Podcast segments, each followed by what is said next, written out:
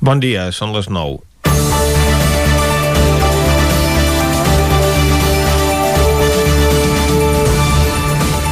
L'independentisme va tornar a sortir ahir al carrer per protestar contra la inhabilitació al president de la Generalitat. I ho va tornar a fer mostrant la seva millor cara, la de la mobilització solidària de suport a la víctima, però també la dels actes violents provocats pel CDR al centre de Barcelona. Una part del moviment continua portant al carrer la seva frustració després dels successius embats de l'Estat que han col·locat la política catalana en una situació d'atzucac. No per esperar d'aquesta sentència és menys indignant per la desproporció entre la condemna i el delicte comès. Per unanimitat, el Tribunal Suprem valida la sentència del Tribunal Superior de Justícia de Catalunya que impedeix ocupar un càrrec públic durant un any i mig a Torre i el condemna a una multa de 30.000 euros per haver penjat una pancarta de suport als presos polítics i exiliats en període electoral. O més ben dit, per haver-la retirat amb retard després dels requeriments d'una junta electoral en funcions. El procés ha estat ràpid i seguint els procediments habituals. Primer es filtra la sentència determinada a premsa i abans d'arribar a les parts el Tribunal Superior de Justícia de Catalunya la tramita a tota velocitat per impedir que Torra pugui jugar a l'últim comodé que li queda, la d'escollir la data de les eleccions abans no li arribés la notificació. A partir d'ara s'activarà el període electoral amb un govern en funcions encapçalat pel vicepresident Pere Aragonès, el candidat d'Esquerra Republicana a la presidència. Torra demana que aquestes eleccions siguin un plebiscit del poble de Catalunya, un altre més després dels anteriors que no han servit sinó per intensificar la repressió. Abans de marxar, però, va fer un últim servei al partit, no convocant eleccions directament, dona temps a Junts per Catalunya perquè resolgui el seu conflicte intern amb el PDeCAT i escolli candidat. Per això sembla que l'oposició es podria estar plantejant presentar un candidat instrumental a la investidura que es limités a convocar eleccions i evités demorar l'interregne fins al mes de febrer. Són aquells que s'han passat tot el mandat de Torra insistint que no exercia de president de tots els catalans. Cap d'ells està qüestionant, per exemple, aquests dies Pedro Sánchez que no s'atreveixi a intervenir a Madrid en defensa de la salut de tots els espanyols. Però bé, el cas és que ahir es va inhabilitar el president de tots els catalans. Torra acata la sentència anunciant que presentarà un recurs d'empara com a pas previ per anar a la justícia europea, a la qual ja s'hi ha traçat el síndic de Greuges. A veure si el Constitucional són tan ràpids en els recursos que presenta el bàndol independentista com s'ha desenvolupat fins ara en tota la justícia espanyola al procés de Torra, que en menys d'un any i mig han inhabilitat el primer president de la Generalitat en l'exercici de les seves funcions. Comencem Territori 17, a la sintonia del 9 FM, la veu de Sant Joan, Ona Corinenca, Ràdio Cardedeu i el 9 TV. Territori 17, amb Vicenç Vigues i Jordi Sunyer.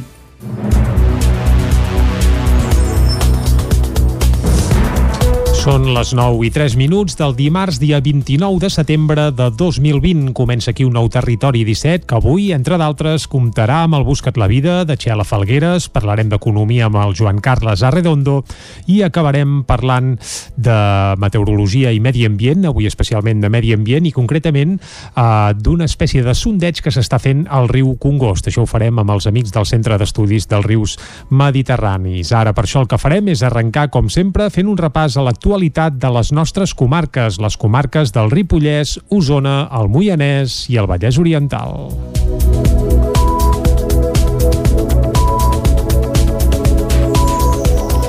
El Tribunal Suprem confirma per unanimitat la inhabilitació d'un any i mig i 30.000 euros de multa per al president de la Generalitat, Quim Torra. Una inhabilitació que el Tribunal justifica després que Torra desobeís de forma contumàs, obstinada i reiterada a la Junta Electoral Central en no retirar llaços grocs i una pancarta a favor dels polítics presos durant el període electoral de la primavera del 2019. D'aquesta manera ratifica la condemna imposada pel Tribunal Superior de Justícia de Catalunya. El Tribunal diu que l'exhibició de símbols durant el període electoral vulnera la neutralitat de les institucions. La sentència el condemna a un any i mig d'inhabilitació especial tant per l'exercici de càrrecs públics electius ja siguin d'àmbit local, autonòmic, estatal o europeu, com per l'exercici de funcions de govern en els àmbits local, autonòmic i de l'Estat. En la seva sentència, el Suprem destaca que l'àmbit del recurs no és l'exhibició de, de, de determinats perdoneu, símbols o pancartes d'una determinada opció política, sinó la seva utilització en períodes electorals desobeint el que disposa la Junta Electoral Central que en l'exercici de les seves funcions garanteix la transparència i l'objectivitat dels processos electorals. El cas es remunta al març de l'any passat. El 4 de març, Ciutadans va demanar a l'Ajuntament de Barcelona i a la Generalitat que retiressin de les seves façanes els llaços grocs i les pancartes a favor dels polítics independentistes presos i exiliats, ja que era període electoral perquè s'havien convocat les eleccions generals del 28 d'abril. El govern va dir que no retiraria la simbologia i Ciutadans va portar el cas a la GEC el dijous 7 de març. El dia 21 al matí la Generalitat va tapar llaç groc i la pancarta per una pancarta que deia el mateix, però substituïa el llaç groc per un de blanc amb una franja vermella a sobre. També es va posar una petita pancarta demanant llibertat d'expressió. Unes 400 persones es van concentrar ahir a les 7 de la tarda a la plaça Major de Vic per mostrar el seu rebuig a la inhabilitació del president de la Generalitat, Quim Torra. Per part de l'Ajuntament es va fer un manifest institucional al qual van transmetre l'alcaldessa de Vic, Anna R, i les portaveus d'Esquerra Republicana i Capgirem Vic, Maria Balasc i Carla Dinarès. R va dir que era un acte més de repressió per part del govern espanyol i va assegurar que la independència n'és la solució. Per desgràcia, avui tornem a tenir la plaça de Vic plena per una altra repressió dura que ens estan fent al nostre país i que avui és això, han enderrocat doncs, un president en exercici i senzillament és una mostra més d'aquesta contínua repressió i avui li ha tocat al president però hi ha 2.850 persones també pendents d'aquesta repressió. Els que continuem pensant que la solució d'aquest país és la independència, no deixarem de lluitar i, evidentment, tot i que avui ens han enderrocat el president, no ens fan por les urnes, anirem a les urnes i esperem que el poble respongui el que cal i el que li necessita, la llibertat d'aquest país. Durant l'acte també van llegir un manifest representants d'Òmnium Cultural del CDR, del Consell Local per la República de Vic i de l'Assemblea Nacional Catalana. L'acte va finalitzar amb el cant dels segadors tocat amb el saxofon de Pep Poblet. En acabar els assistents es van dirigir cap als jutjats. Les concentracions de rebuig davant de la inhabilitació de Quim Torra reuneixen una seixantena de persones a Sant Feliu de Codines i més d'un centenar a Caldes de Montbui. Caral Campàs, des d'Ona Codinenca. Les places dels ajuntaments de Sant Feliu i Caldes van ser escenari ahir a les 7 de la tarda de les concentracions que es van replicar arreu del territori. A Sant Feliu, diferents representants d'entitats sobiranistes van llegir un manifest distribuït a través de l'Associació de Municipis per la Independència. Mercè Serratacó, alcaldessa de Sant Feliu, també hi va fer acte de presència perquè la posició, independentment, a, a part de ser alcalde o no, a mi em sembla com molt desproporcionat.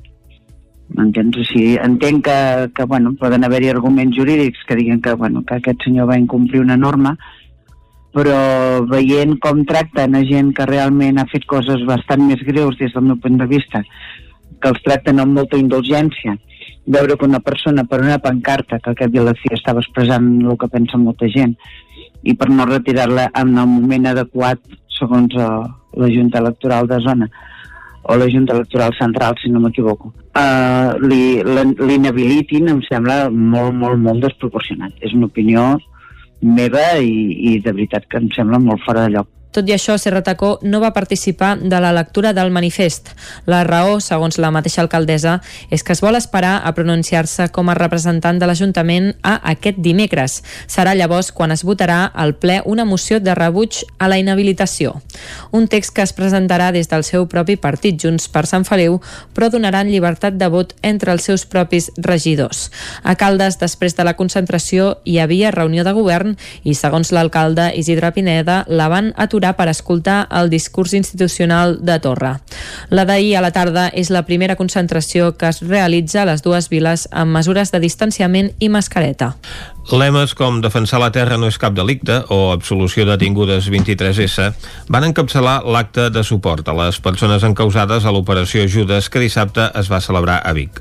L'acte també va servir per estrenar el documental de matinada que recull la veu dels protagonistes de l'operació orquestrada per la Guàrdia Civil que el 23 de setembre de l'any passat va acabar amb la detenció de 9 persones vinculades als CDR. Més de 400 persones amb mascareta i respectant les distàncies de seguretat omplien el pati de butaques que es va improvisar a la bassa dels hermanos de Vic.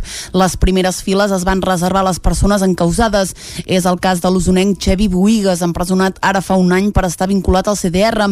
Dissabte Vic va reivindicar la seva innocència i la dels seus companys. També va recordar una experiència que assegura li ha canviat la vida.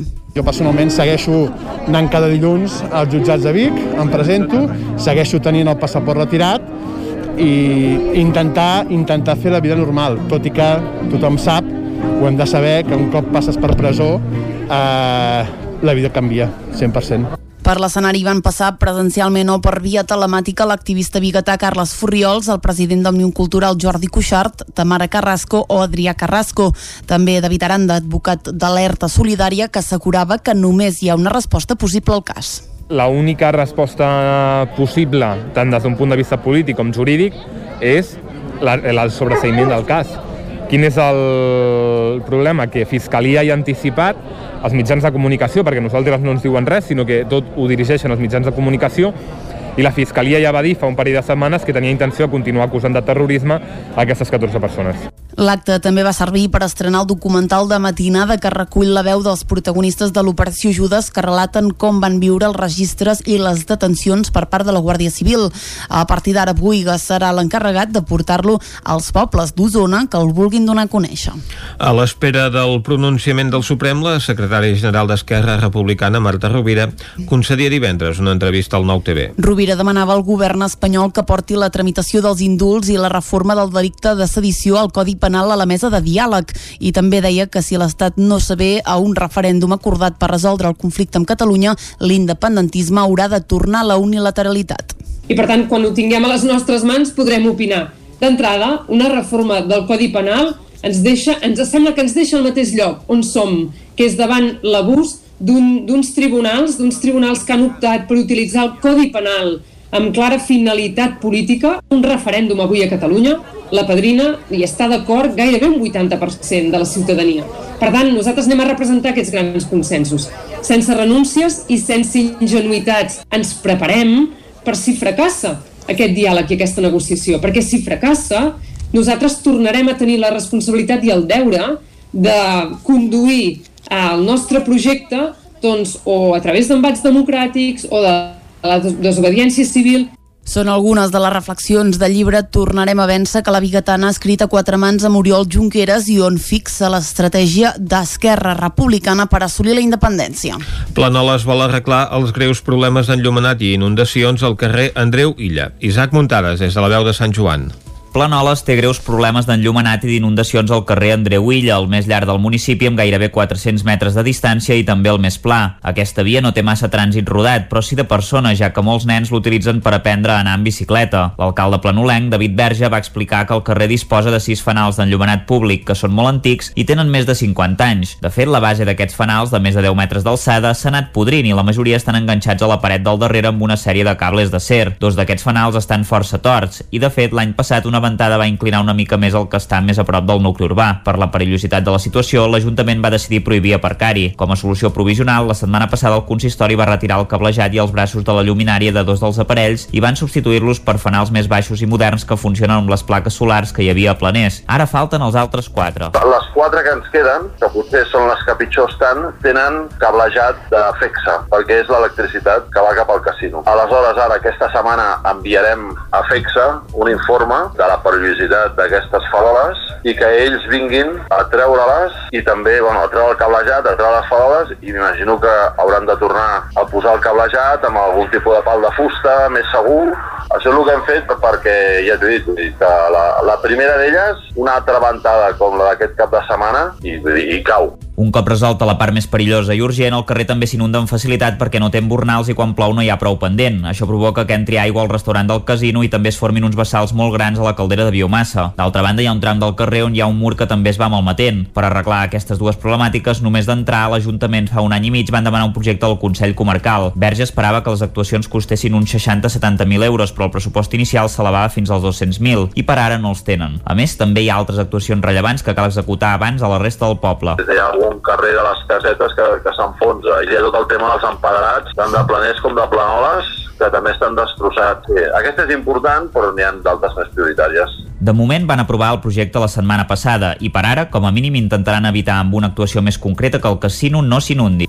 La sala de les columnes de l'Ajuntament de Cardedeu ha tornat a acollir un ple presencial després de més de sis mesos de plens virtuals.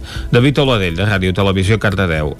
El ple ordinari de setembre ha ofert un dibuix força diferent de l'habitual a la sala de les columnes.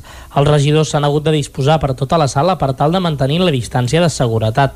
Tot i que el ple plantejava un ordre del dia aparentment de tràmit i amb temes molt tècnics, l'últim punt de la part dispositiva destinat a l'aprovació del Compte General 2019 ha generat oposició per part del Partit Socialista. Quesada ha plantejat dubtes pel que fa als resultats de l'exercici, donat que considera que el superàvit que apareix als comptes no s'està reinvertint en millores municipals ni en els ciutadans, motiu pel que han votat en contra. Josep Quesada, regidor portaveu del PSC de Cardedeu, i Enric Oliver, alcalde de Cardedeu. Sabem que l'Ajuntament està en bona situació, però entenem que la gestió es podia fer una altra, es podia fer una altra manera, els diners podien estar a, a favor de, a, disposats a disposició dels ciutadans per garantir o millorar, millorar els serveis i per tant en aquest sentit el nostre vot serà en contra de l'aprovació. La, doncs, bueno, lamento agraeixo el to, però lamento el, el sentit del vot eh, anunciat pel grup del PSC i, i crec que també pel, pel grup de Junts per Carreu perquè, perquè en definitiva jo ho he intentat segurament com que és farragós el tema no, no, no m'he sabut explicar no estem, no estem valorant una gestió de govern ni, ni, ni d'uns pressupostos que, que veurem els propers mesos, sinó una fotografia d'un estat patrimonial i comptable de l'entitat. Un altre dels temes que han tornat a aparèixer en aquest primer ple després de l'estiu ha estat la denúncia que va rebre l'actor que representa el personatge del nono per haver fet un petó a un dels espectadors durant la festa major.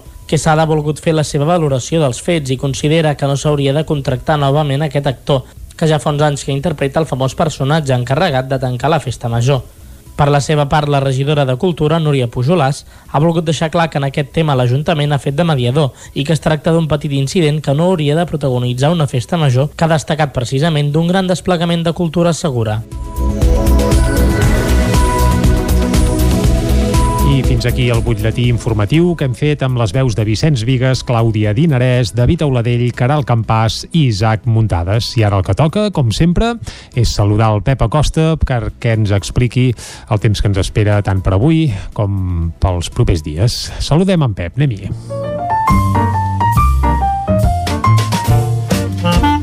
Casa Terradellos us ofereix el temps.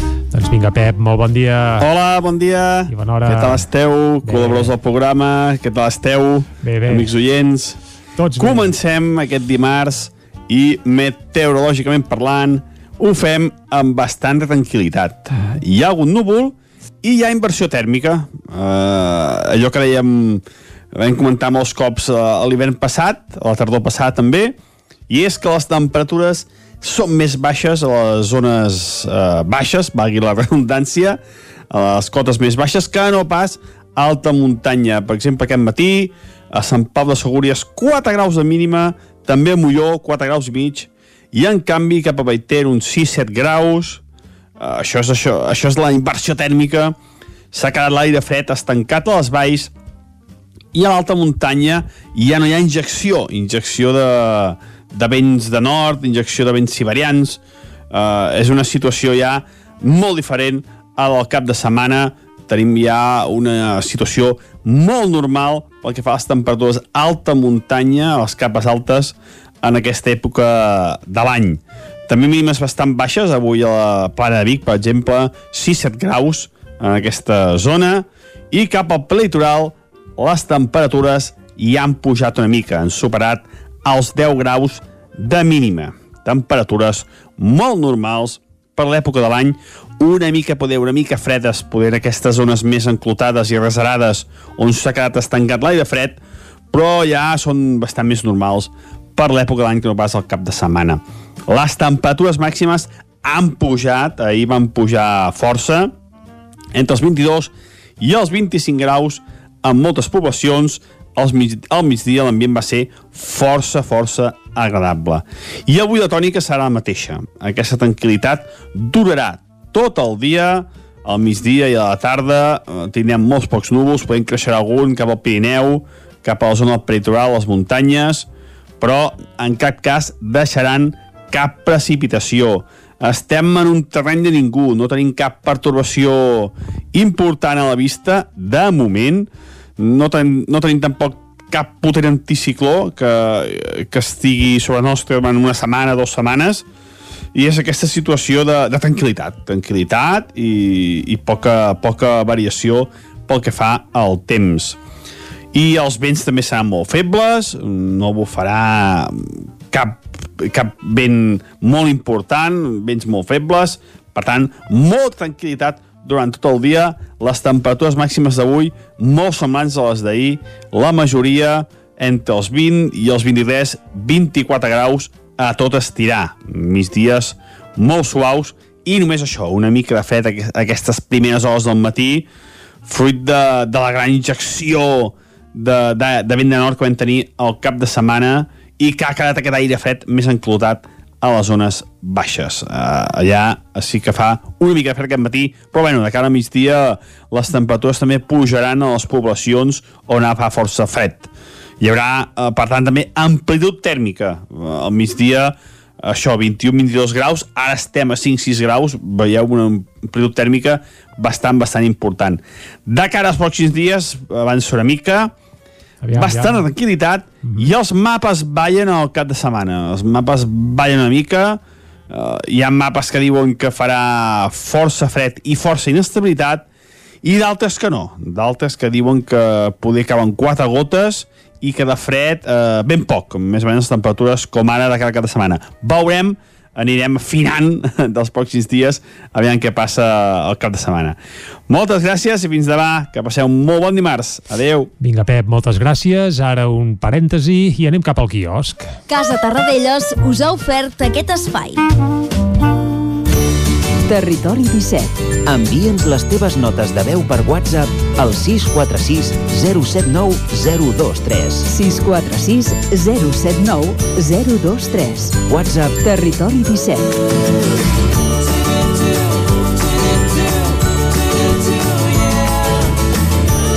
Territori 17. Som a Facebook, Twitter i Instagram amb l'usuari Territori 17.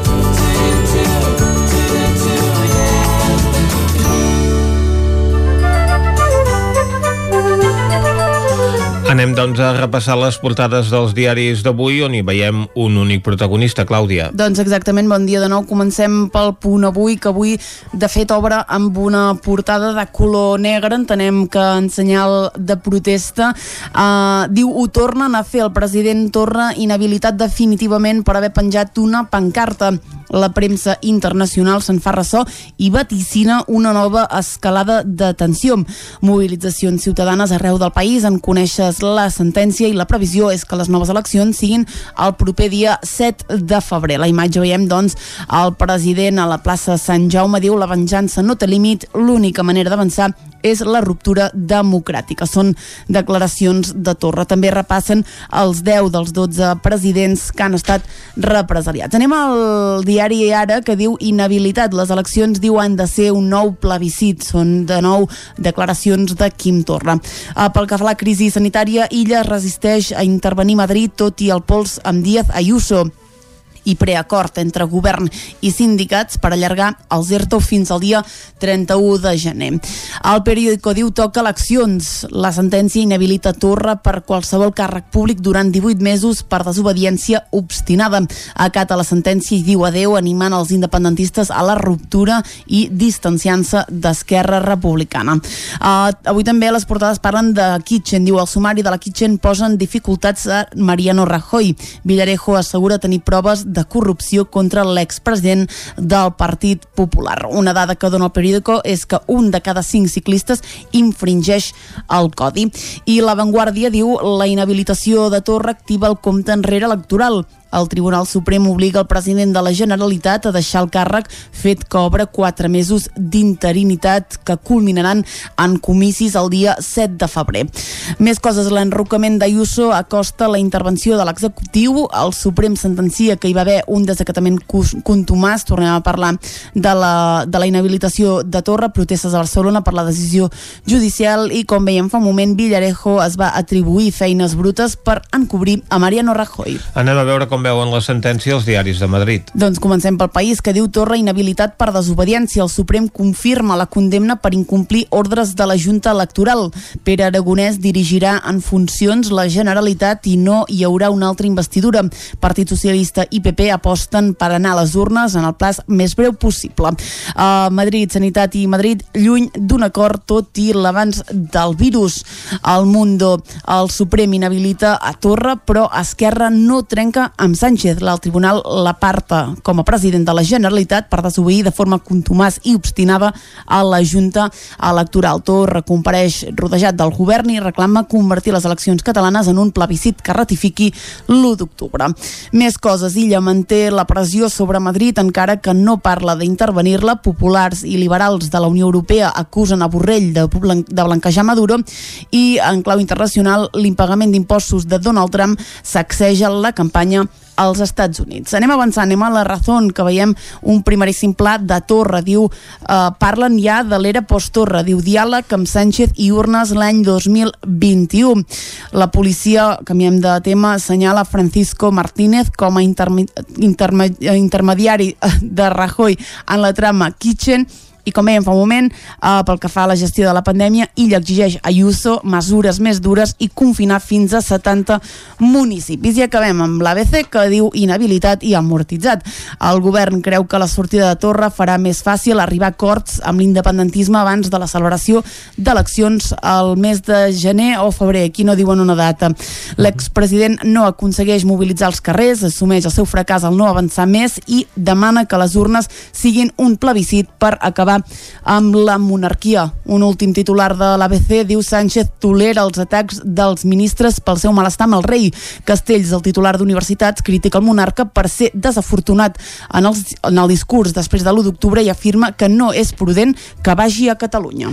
Doncs contumàs és l'adjectiu del dia perquè la sentència així fa constar aquest comportament del president de la Generalitat. I la imatge del dia la veiem a la portada de tres dels diaris catalans que és la del president sortint de Palau amb aquest bany de masses a la plaça Sant Jaume que trobem al punt avui, a l'Ara i a la Vanguardia. El nou FM. La ràdio de casa al 92.8. Vols trencar amb l'oligopoli de l'IBEX 35? Apunta't al consum estratègic i comença a consumir serveis catalans. Per això et convidem a omplir el dipòsit a Petrolis Independents. A Osona ens trobaràs al polígon Mas Galí de Vic i a Centelles just després de la sortida sud. Si vols factura, entra a la nostra pàgina web petrolisindependents.cat i dona't d'alta. Comença a ser independent. Tenim la força de l'amor. Anuncia't al 9FM. La màquina de casa. 9 3 8 8 9 4 9 4 9 Publicitat arroba al 9FM.cat. Anuncia't al 9FM. La publicitat més eficaç. Amb Pradell estalvio energia i cuido la meva butxaca i el medi ambient. Posa't en mans de Pradell. Són experts en calderes de gas i condensació, estufes de pèl·let, energia solar, terres radiants, geotèrmia i aerotèrmia. Pradell instal·la calderes de biomassa per a particulars i per a empreses. Si vols estalviar un 50% en consum, contacta amb Pradell i passa't a les energies renovables. Pradell som a l'Avinguda Països Catalans 27 de Vic. Telèfon 93 885 1197. Pradell.cat. Coberta serveis funeraris. Els nostres tanatoris estan ubicats en els nuclis urbans més poblats de la comarca d'Osona per oferir un millor servei. Tanatori de Vic, Tanatori de Manlleu, Tanatori de Centelles i Tanatori de Roda de Ter. Sabem que són moments difícils i per això el nostre compromís és atendre-us en tot moment amb un tracte humà, sensible i respectuós. Coberta serveis funeraris. Telèfon 24 hores 93 883 23 46. Cocodril Club. Si t'agrada la bona música dels anys 60, 70 i 80, escolta el 9 FM als matins de dissabtes i diumenges d'11 a 1. És el temps del Cocodril Club, tot un clàssic de la ràdio, amb les bases del pop-rock, les llegendes, les cançons que s'han convertit en autèntics himnes. Recorda, dissabtes i diumenges al matí, d'11 a 1, al 9 FM 92.8. Cocodril Club, el programa revival de l'Albert Malla. Hasta luego, cocodrilo. Rètols 2 Art.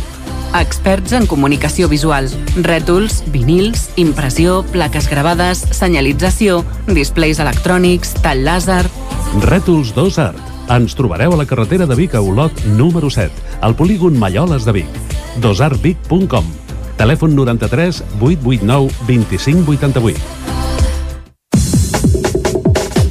La ràdio de casa al 92.8. El 9 FM.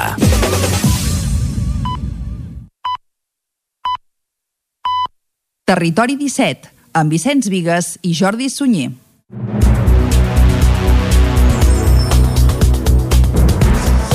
Són dos quarts de deu en punt d'avui dimarts, dia 29 de setembre de 2020 i seguim aquí en directe a Territori 17 des de la sintonia de la veu de Sant Joan, el 9 FM, Ràdio Cardedeu, Ona Codinenca i també ens podeu seguir a través del nou TV. Ara el que toca és acostar-vos de nou l'actualitat de casa nostra. Ja us sabeu les notícies de les comarques del Ripollès, Osona, el Moianès i el Vallès Oriental. El Tribunal Suprem confirma per unanimitat la inhabilitació d'un any i mig i 30.000 euros de multa per al president de la Generalitat, Quim Torra. Una inhabilitació que el Tribunal justifica després que Torra desobeís de forma contumàs, obstinada i reiterada a la Junta Electoral Central en no retirar llaços grocs i una pancarta a favor dels polítics presos durant el període electoral de la primavera del 2019. D'aquesta manera ratifica condemna imposada pel Tribunal Superior de Justícia de Catalunya. El tribunal diu que l'exhibició de símbols durant el període electoral vulnera la neutralitat de les institucions. La sentència el condemna a un any i mig d'inhabilitació especial tant per l'exercici de càrrecs públics electius ja siguin d'àmbit local, autonòmic, estatal o europeu, com per l'exercici de funcions de govern en els àmbits local, autonòmic i de l'Estat. En la seva sentència, el Suprem destaca que l'àmbit del recurs no és l'exhibició de, de determinat, determinats perdoneu, símbols o pancartes d'una determinada opció política, sinó la seva utilització en períodes electorals desobeint el que disposa la Junta Electoral Central que en l'exercici de les seves funcions garanteix la transparència i l'objectivitat dels processos electorals. El cas es remunta al març de l'any passat. El 4 de març, Ciutadans va demanar a l'Ajuntament de Barcelona i a la Generalitat que retiressin de les seves façanes els llaços grocs i les pancartes a favor dels polítics independentistes presos i exiliats, ja que era període electoral perquè s'havien convocat les eleccions generals del 28 d'abril. El govern va dir que no retiraria la simbologia i Ciutadans va portar el cas a la GEC el dijous 7 de març. El dia 21 al matí la Generalitat va tapar llaç groc i la pancarta per una pancarta que deia el mateix, però substituïa el llaç groc per un de blanc amb una franja vermella a sobre. També es va posar una petita pancarta demanant llibertat d'expressió.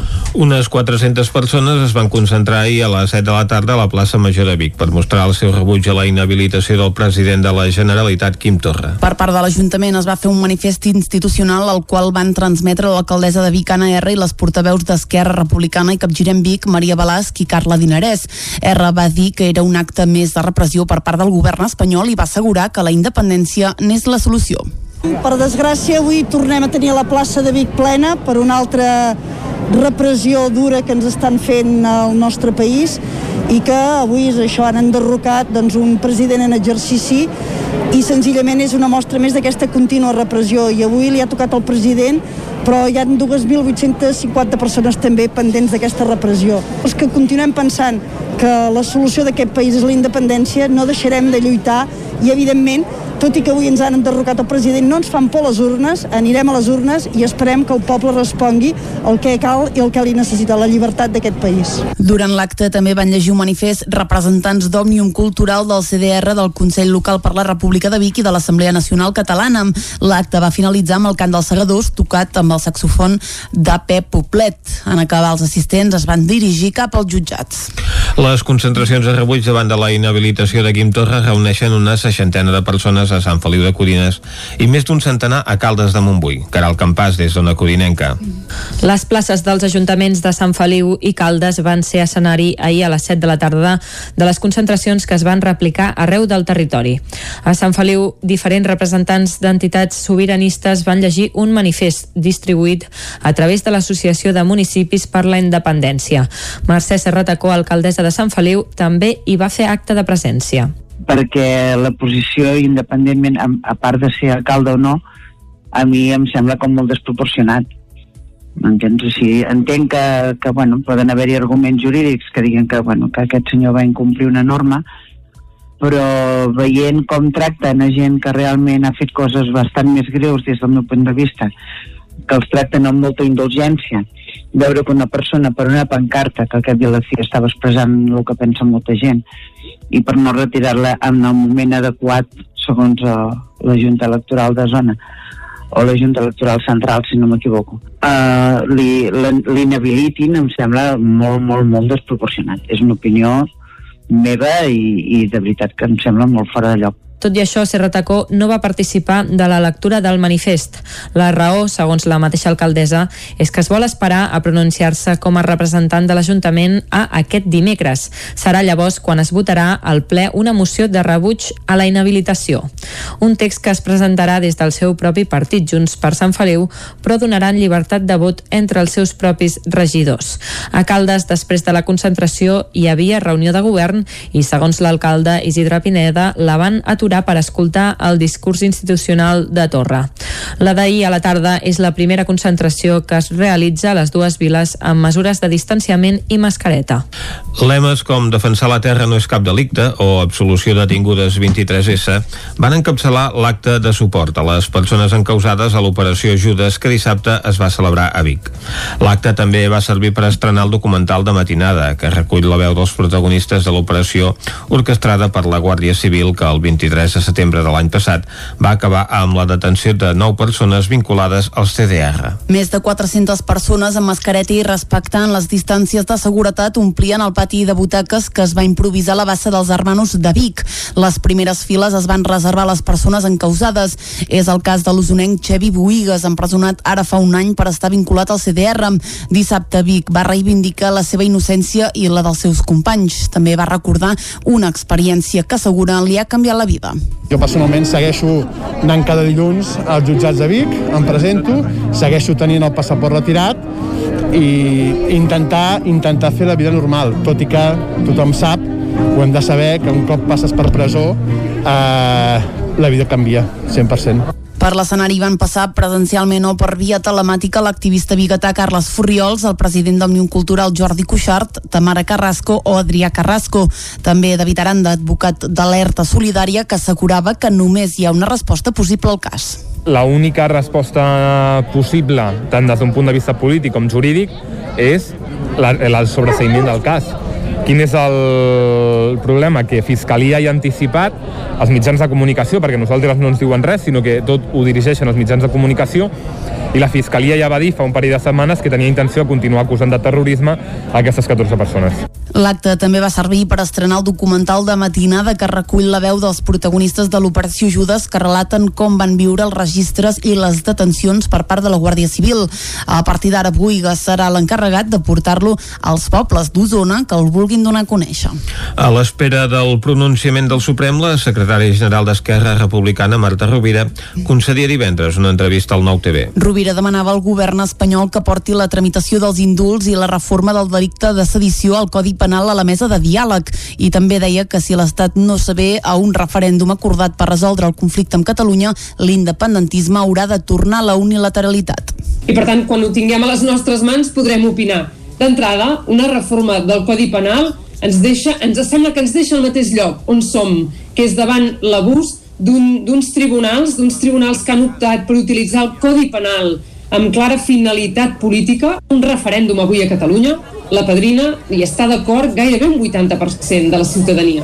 Per tant, nosaltres anem a representar aquests grans consensos, sense renúncies i sense ingenuïtats. Ens preparem per si fracassa aquest diàleg i aquesta negociació, perquè si fracassa, nosaltres tornarem a tenir la responsabilitat i el deure de conduir el nostre projecte doncs, o a través d'embats democràtics o de la desobediència civil són algunes de les reflexions del llibre Tornarem a vèncer que la Bigatana ha escrit a quatre mans amb Oriol Junqueras i on fixa l'estratègia d'Esquerra Republicana per assolir la independència.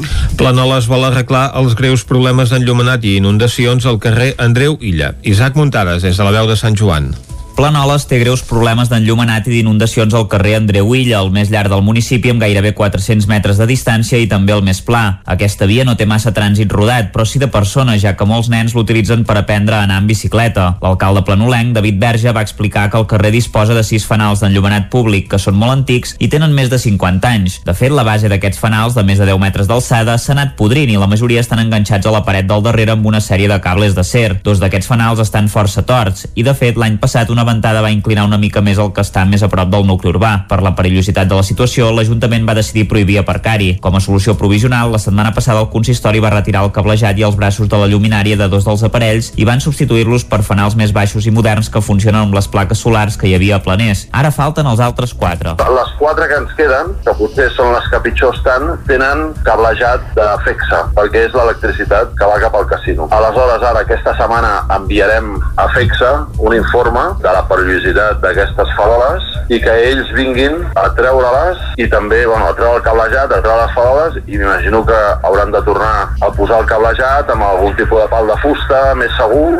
Això és el que hem fet perquè, ja t'he dit, la, la primera d'elles, una altra ventada com la d'aquest cap de setmana i, i cau. Un cop resolta la part més perillosa i urgent, el carrer també s'inunda amb facilitat perquè no té embornals i quan plou no hi ha prou pendent. Això provoca que entri aigua al restaurant del casino i també es formin uns vessals molt grans a la caldera de biomassa. D'altra banda, hi ha un tram del carrer on hi ha un mur que també es va malmetent. Per arreglar aquestes dues problemàtiques, només d'entrar, l'Ajuntament fa un any i mig van demanar un projecte al Consell Comarcal. Verge esperava que les actuacions costessin uns 60-70.000 euros, però el pressupost inicial s'elevava fins als 200.000 i per ara no els tenen. A més, també hi ha altres actuacions rellevants que cal executar abans a la resta del poble. Hi ha algun carrer de les casetes que, que s'enfonsa hi ha tot el tema dels empadrats, tant de planers com de planoles, que també estan destrossats. Sí, aquest és important, però n'hi ha d'altres més prioritàries. De moment van aprovar el projecte la setmana passada i per ara, com a mínim, intentaran evitar amb una actuació més concreta que el casino no s'inundi.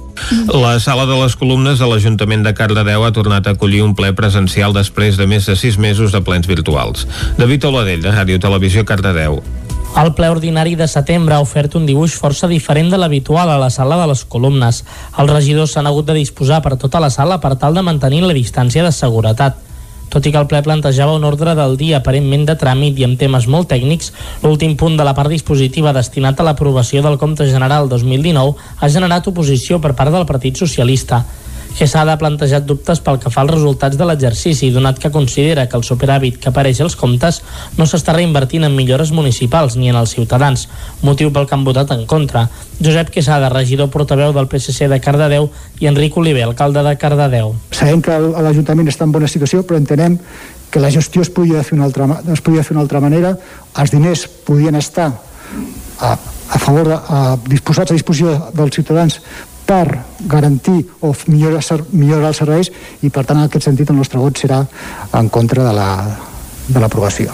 Doncs, bueno, lamento agraeixo el to, però lamento el, el sentit del vot eh, anunciat pel grup del PSC i, i crec que també pel, pel grup de Junts pel Cardeu perquè, perquè en definitiva jo ho he intentat segurament com que és farragós el tema no, no, no m'he sabut explicar no estem, no estem valorant una gestió de govern ni, ni, ni d'uns pressupostos que, que veurem els propers mesos sinó una fotografia d'un estat patrimonial i comptable de l'entitat. Un altre dels temes que han tornat a aparèixer en aquest primer ple després de l'estiu ha estat la denúncia que va rebre l'actor que representa el personatge del nono per haver fet un petó a un dels espectadors durant la festa major. Quesada ha volgut fer la seva valoració dels fets i considera que no s'hauria de contractar novament aquest actor, que ja fa uns anys que interpreta el famós personatge encarregat de tancar la festa major. Per la seva part, la regidora de Cultura, Núria Pujolàs, ha volgut deixar clar que en aquest tema l'Ajuntament ha fet de mediador i que es tracta d'un petit incident que no hauria de protagonitzar una festa major que ha destacat precisament d'un gran desplegament de cultura segura. Fins aquí el butlletí informatiu que hem fet amb les veus de Vicenç Vigues, Clàudia Dinarès, David Auladell, Caral Campàs i Isaac Muntades. I ara el que toca, com sempre, és saludar el Pep Acosta perquè ens expliqui el temps que ens espera tant per avui com pels propers dies. Saludem en Pep, anem-hi.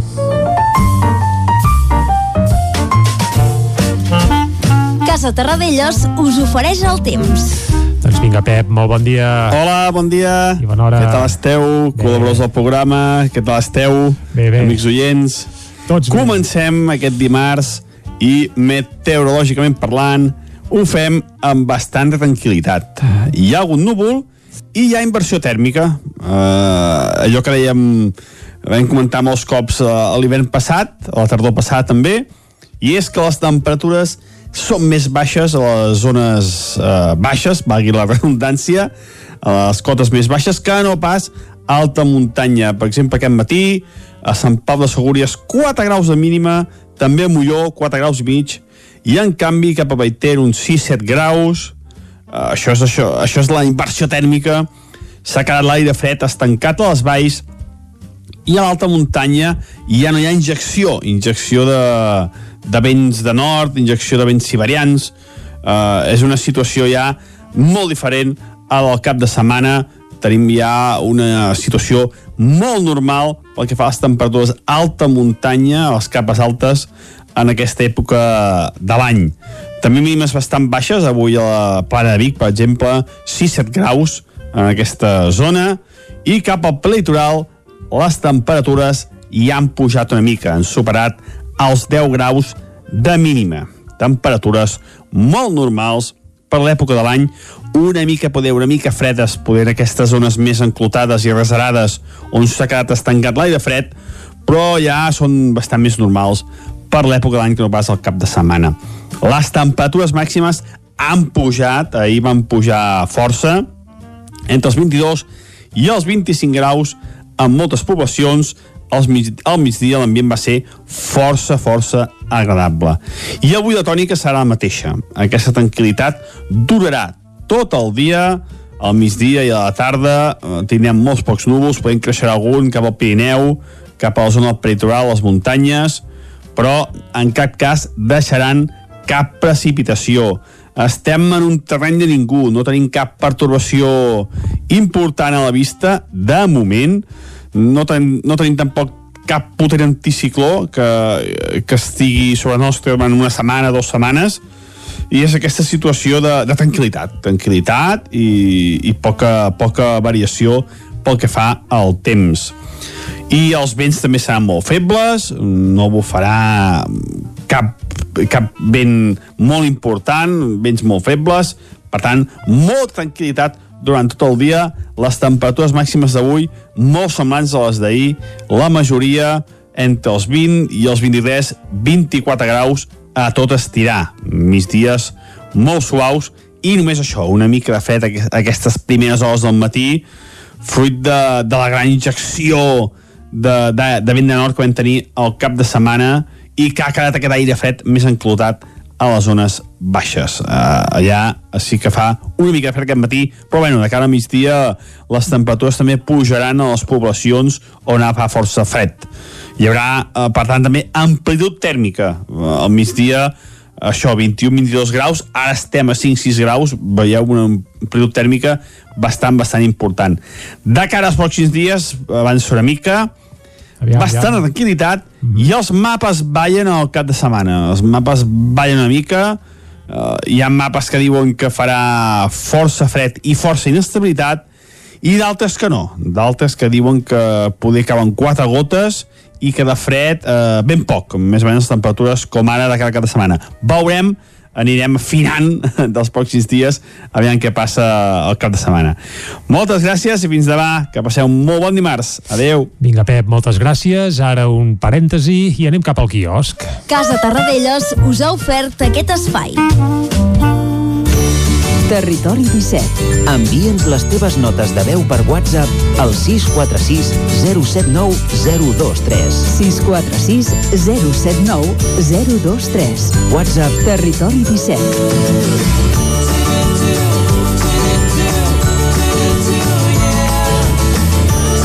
Territori 17. Som a Facebook, Twitter i Instagram amb l'usuari Territori 17.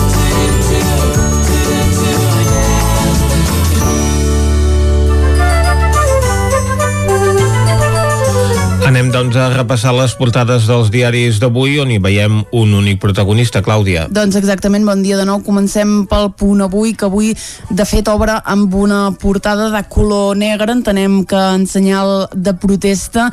Uh, diu, ho tornen a fer, el president torna inhabilitat definitivament per haver penjat una pancarta. La premsa internacional se'n fa ressò i vaticina una nova escalada de tensió. Mobilitzacions ciutadanes arreu del país en coneixes la sentència i la previsió és que les noves eleccions siguin el proper dia 7 de febrer. La imatge veiem, doncs, el president a la plaça Sant Jaume diu la venjança no té límit, l'única manera d'avançar és la ruptura democràtica. Són declaracions de Torra. També repassen els 10 dels 12 presidents que han estat represaliats. Anem al diari Ara, que diu inhabilitat. Les eleccions, diu, han de ser un nou plebiscit. Són, de nou, declaracions de Quim Torra. Uh, pel que fa a la crisi sanitària, Illa resisteix a intervenir Madrid tot i el pols amb Díaz Ayuso i preacord entre govern i sindicats per allargar els ERTO fins al dia 31 de gener. El periòdico diu toca eleccions. La sentència inhabilita Torra per qualsevol càrrec públic durant 18 mesos per desobediència obstinada. Acata la sentència i diu adeu animant els independentistes a la ruptura i distanciant-se d'Esquerra Republicana. Uh, avui també les portades parlen de Kitchen. Diu el sumari de la Kitchen posen dificultats a Mariano Rajoy. Villarejo assegura tenir proves de corrupció contra l'expresident del Partit Popular. Una dada que dona el periòdico és que un de cada cinc ciclistes infringeix el codi. I l'avantguàrdia diu la inhabilitació de Torra activa el compte enrere electoral. El Tribunal Suprem obliga el president de la Generalitat a deixar el càrrec fet que obre quatre mesos d'interinitat que culminaran en comicis el dia 7 de febrer. Més coses, l'enrocament d'Ayuso acosta la intervenció de l'executiu. El Suprem sentencia que hi va haver un desacatament contumàs. Tornem a parlar de la, de la inhabilitació de Torra, protestes a Barcelona per la decisió judicial i, com veiem fa un moment, Villarejo es va atribuir feines brutes per encobrir a Mariano Rajoy. Anem a veure com com veuen la sentència els diaris de Madrid. Doncs comencem pel país, que diu Torra inhabilitat per desobediència. El Suprem confirma la condemna per incomplir ordres de la Junta Electoral. Pere Aragonès dirigirà en funcions la Generalitat i no hi haurà una altra investidura. Partit Socialista i PP aposten per anar a les urnes en el plaç més breu possible. Uh, Madrid, Sanitat i Madrid lluny d'un acord tot i l'abans del virus. El Mundo, el Suprem inhabilita a Torra, però Esquerra no trenca amb amb Sánchez. El tribunal l'aparta com a president de la Generalitat per desobeir de forma contumàs i obstinada a la Junta Electoral. Torra compareix rodejat del govern i reclama convertir les eleccions catalanes en un plebiscit que ratifiqui l'1 d'octubre. Més coses. Illa manté la pressió sobre Madrid encara que no parla d'intervenir-la. Populars i liberals de la Unió Europea acusen a Borrell de, de blanquejar Maduro i en clau internacional l'impagament d'impostos de Donald Trump sacseja la campanya als Estats Units. Anem avançant, anem a la raó que veiem un primeríssim pla de Torra. Diu, eh, parlen ja de l'era post-Torra. Diu, diàleg amb Sánchez i urnes l'any 2021. La policia, canviem de tema, assenyala Francisco Martínez com a interme interme intermediari de Rajoy en la trama Kitchen i com dèiem fa un moment, eh, pel que fa a la gestió de la pandèmia, ell exigeix a Ayuso mesures més dures i confinar fins a 70 municipis. I acabem amb l'ABC que diu inhabilitat i amortitzat. El govern creu que la sortida de Torra farà més fàcil arribar a acords amb l'independentisme abans de la celebració d'eleccions al mes de gener o febrer. Aquí no diuen una data. L'expresident no aconsegueix mobilitzar els carrers, assumeix el seu fracàs al no avançar més i demana que les urnes siguin un plebiscit per acabar amb la monarquia. Un últim titular de l'ABC diu Sánchez tolera els atacs dels ministres pel seu malestar amb el rei. Castells, el titular d'universitats, critica el monarca per ser desafortunat en el, en el discurs després de l'1 d'octubre i afirma que no és prudent que vagi a Catalunya. Doncs contumàs és l'adjectiu del dia perquè la sentència així fa constar aquest comportament del president de la Generalitat. I la imatge del dia la veiem a la portada de tres dels diaris catalans, que és la del president sortint de Palau amb aquest bany de masses a la plaça Sant Jaume, que trobem al punt avui, a l'Ara i a l'Avantguàrdia. Doncs un president que se'n va i nosaltres que tornem Mentre no ens inhabilitin. Ara, ara, ara ho has dit, o no ens multin. Uh, bé, anem donant idees.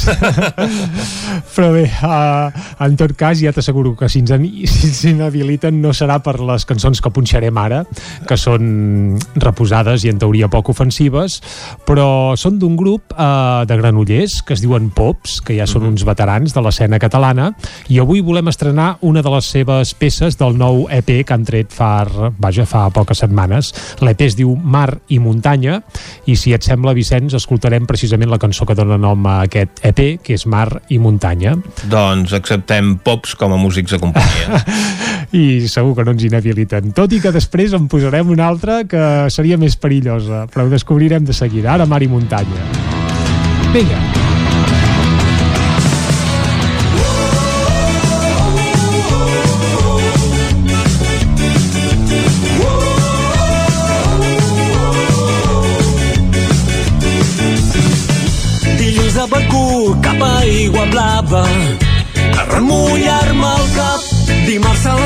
l'escala enfonsar-me fins al fons del mar. Dimecres me'n vaig a Montserrat. L'espelma i escala dijous al Montseny a tocar el cel que és el món de la seny. I així veig passar la gent. Amunt i avall com el vent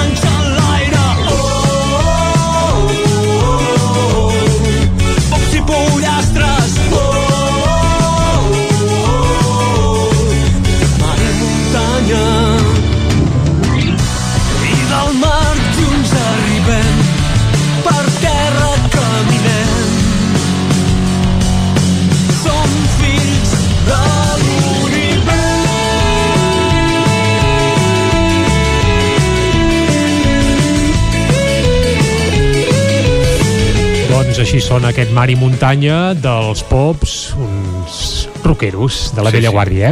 Sí, una mica sky tot. Sí, eh, bé, festius, tot Sí, i que sí. avui dia costa fer rock festiu en directe perquè ja sabem com està el panorama, Mhm. però bé, el que volíem fer és acabar amb, per mi, la cançó que va fer, vaja, que, em va, que vaig descobrir els pops, jo els vaig descobrir fa dos o tres anys amb una versió que aviam si endevines de qui és, Vicenç. L'escoltem un fragment, gent que ens escolteu des de casa també, i aviam si sabeu de què es tracta. A veure, a veure. Enganya, eh?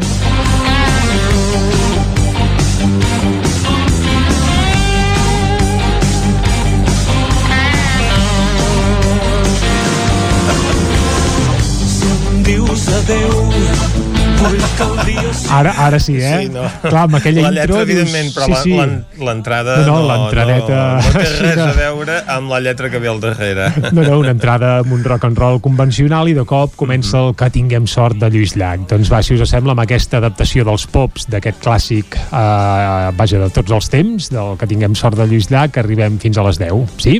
doncs arribem fins a les 10 amb música de Lluís Llach interpretada pels Pops. Exacte.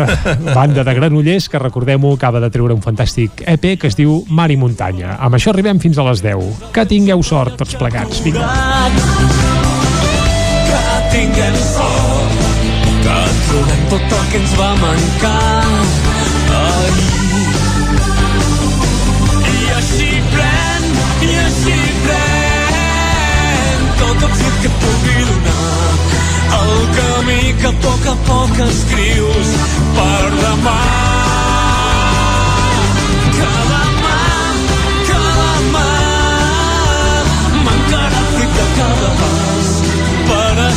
malgrat la boira cal caminar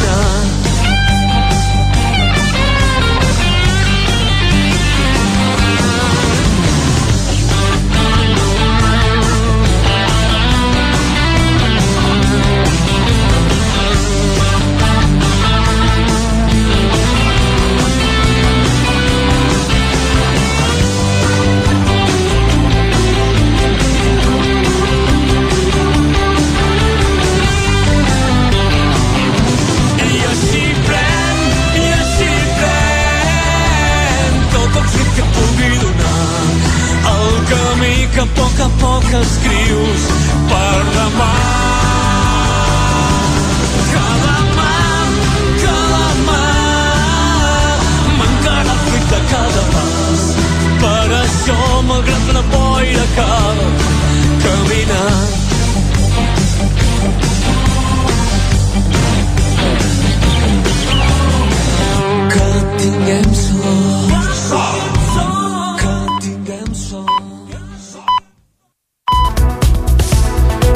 Doncs amb sort o sense, recuperem ara eh, les principals informacions de les nostres comarques. Ja ho sabeu, les comarques del Ripollès, Osona, el Moianès i el Vallès Oriental.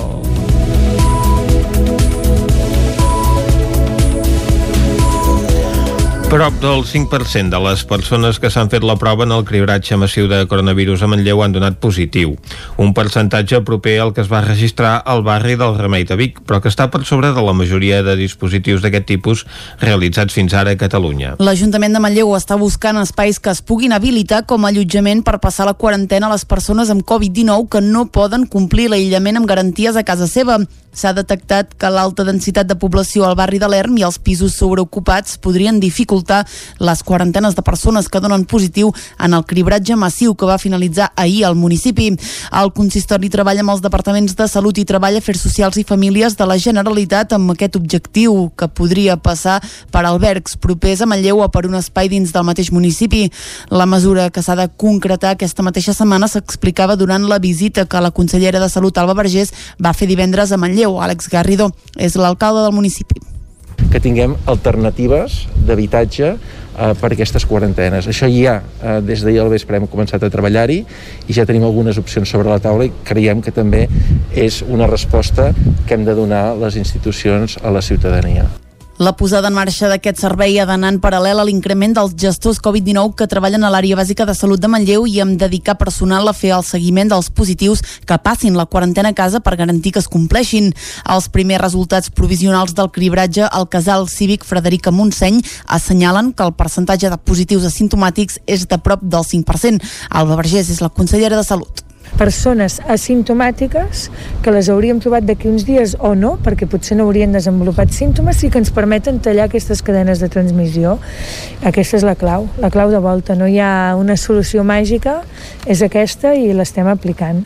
Salut de moment no es planteja cap més cribratge massiu a Osona, tot i que Vergés recordava que la situació de l'epidèmia varia molt ràpidament. El, cri el cribratge comunitari a Manlleu ha inclòs el primer testatge massiu de coronavirus en una escola a Catalunya, l'escola Puigdegut, on s'han trobat 15 positius. L'escola té ara 10 grups en quarantena dels 23 que hi ha al centre. Els 15 positius, 13 alumnes i dues persones de personal extern s'han detectat d'entre les 304 PCRs fetes dijous passat a l'escola. El percentatge de simptomàtics s'acosta al 5%, el que s'esperava prèviament i el que està sortint també al cribratge comunitari a Manlleu.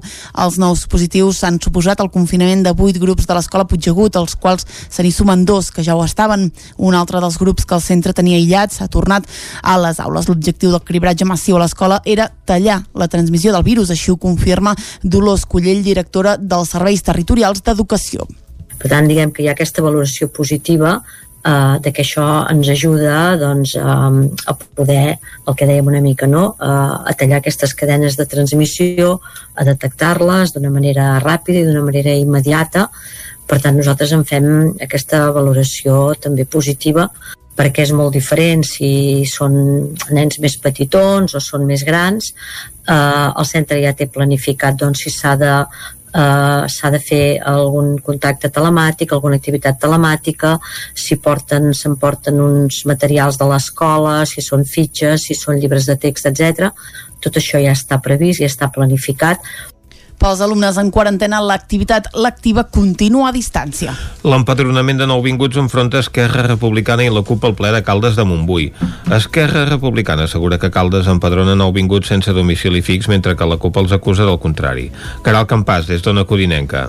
L'últim ple municipal de Caldes va ser l'escenari de la confrontació entre l'equip de govern d'Esquerra Republicana i la CUP, mentre que des de la CUP afirmaven que el consistori no està empadronant nouvinguts sense domicili fix, des d'Esquerra els acusaven de dir mentides i de difondre informació falsa.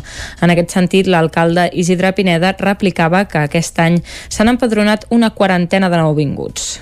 Miri, li explico bé. Els explico bé. Des del mes de gener, és que potser el mes de juliol no ho vaig explicar bé, des del mes de gener fins al mes d'agost s'han empadronat 42, 42 persones, 42 persones provinents de l'estranger. 7 de Colòmbia, 3 d'Argentina, 2 d'Armènia, 2 de l'Equador, 2 de Mali, del Marroc, de Pakistan. També n'hi han de la Xina, de Panamà, d'Uruguai, del Perú, del Regne Unit, d'Ucraïna, d'Itàlia, del Japó, i ara digui'm que no estem empadronant a nouvinguts. Els demano rigor, si plau. Els demano rigor. Mentrestant, la portaveu de la CUP, Marta Bernils, insistia dient el següent. Una cosa sí que no farem des de la CUP és consentir que se'ns tracti de mentiders quan no estem mentint. Nosaltres en cap moment, en cap moment, en cap moment, i reitero, en cap moment hem dit que no s'estigui empadronant a persones migrades. Estem dient que no s'està empadronant sense domicili fix. És totalment diferent cosa que vostè fins i tot ha comentat que s'està treballant en aquesta línia actualment i està sota de la llei perquè des del BOE, des del maig, eh, eh, hi ha una ordre, una llei que diu que s'ha d'empadronar sense domicili fix. Per tant, agrairia, si us plau, que no ens torni a dir mentiders quan no estem mentint en cap moment. Finalment, l'alcalde reconeixia que hi ha temes a millorar i resoldre i posava com a exemple qüestions sobre els ciutadans comunitaris que, segons el batlle, s'haurien de poder empadronar encara que no tinguin passaport. Al mateix temps, concretava que l'Ajuntament treballa en tres línies. Empadronaments en situacions d'habitatges de bancs o grans tenidors, en situacions d'habitatges de propietat privada i persones sense domicili fix. El de dijous havia de ser en un principi un ple presencial, però el fet que un membre del consistori estigui confinat per precaució aquell mateix dia, al migdia, el ple va passar a ser telemàtic. Un cotxe crema en un aparcament de Ripoll per causes encara desconegudes. Isaac Muntades, des de la veu de Sant Joan. La nit de diumenge a dilluns, un cotxe que estava estacionat a l'aparcament de sorra al costat de la confluència entre els carrers Progrés i Estany de Ripoll va incendiar-se fins a quedar totalment calcinat per causes que a hores d'ara encara es desconeixen. Sortosament no es van haver de lamentar ferits ni tampoc danys personals ni materials als altres vehicles que hi havia a l'aparcament, que té capacitat per una trentena de cotxes. A més, el vehicle estava just al costat de la vegetació del bosc que hi ha a l'entrada de Caganell, però tampoc va arribar a cremar-la segons els bombers de la Generalitat que van ser els encarregats d'apagar l'incendi. Els bombers van rebre l'avís del foc cap a dos quarts de dotze del diumenge, el qual va generar una bona flamarada i, com ja va passar en el cas de l'incendi de l'atenció en textil, el fum es va poder albirar des de molts punts del municipi. Per sort, aquest aparcament queda just a l'altra banda del carrer Progrés i, per tant, era difícil que arribés al barri de Fuensanta, els blocs de pisos habitats amb més gent que queden més a prop del sinistre. També quedava a gairebé uns 100 metres de la primera casa habitada de Caganell. Tot i això, l'espectacularitat de l'incendi va fer que alguns veïns que hi havien aparcat el cotxe decidissin treure'l per evitar un efecte cadena en la propagació del foc. Per ara, els Mossos d'Esquadra segueixen buscant testimonis o imatges de càmeres de vigilància pròximes a l'aparcament per descobrir com es van originar les flames. La policia catalana va rebre l'avís a tres quarts de quatre de la matinada i van col·locar-hi una cinta avalisadora fins que es descobreixi què va succeir. Des de divendres i fins ahir l'Atlàntida ha celebrat el seu desè aniversari amb quatre dies d'activitats. L'acte institucional que es va repetir divendres en dues sessions va tenir els artistes com a protagonistes principals. L'espectacle va tenir espai per cada un dels vessants de l'activitat de l'Atlàntida des, des dels diferents registres del teatre, la música, la dansa, les produccions pròpies o propostes educatives. També hi va tenir cabuda l'Escola de Música i el Conservatori de Vic, ubicat al mateix edifici.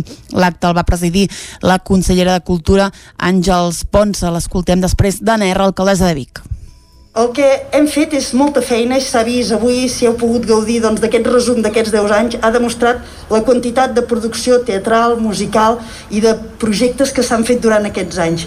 I en tot això s'ha demostrat també amb l'èxit que hem aconseguit, aquest èxit d'aquest projecte que cada vegada d'aquests 10 anys demostra la seva consolidació, també la resposta del públic, perquè si fem un còmput general de totes les actuacions, estem molt contents perquè tenim un 76% de les sales sempre ocupades. Hem de retornar a la cultura el que ell ens ha donat en aquest confinament. Jo crec que ara hem d'omplir els teatres, hem de comprar més llibres, hem d'anar a més concerts, aquí el director del Palau de la Música doncs també hem de, de tornar a sentir música en viu, en directe L'impacte visual de la nit el van signar els dos ballarins de la companyia del revés amb una coreografia interpretada sobre la façana de la Caixa Escènica d'Atlàntida.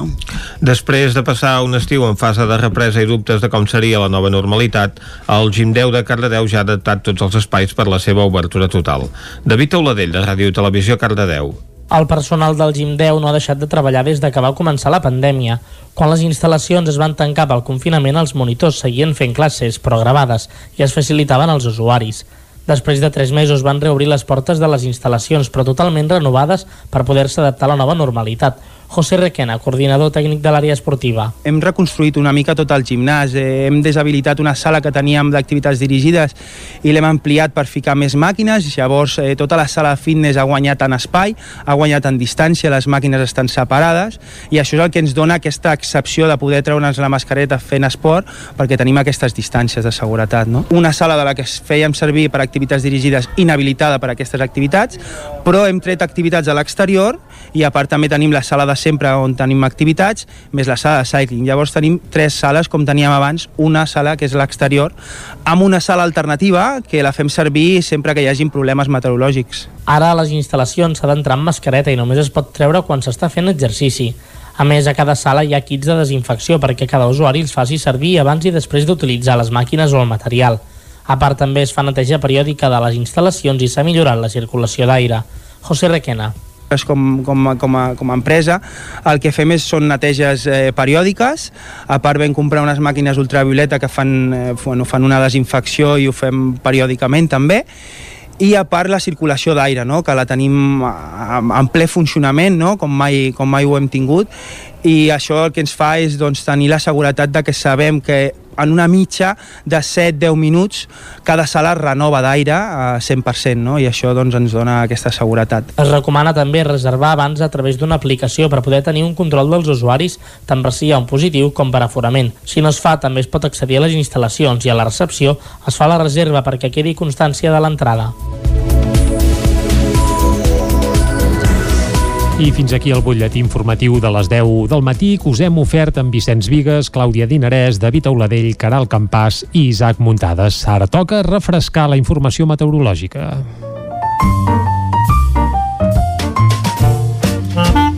Casa Terradellos us ofereix el temps.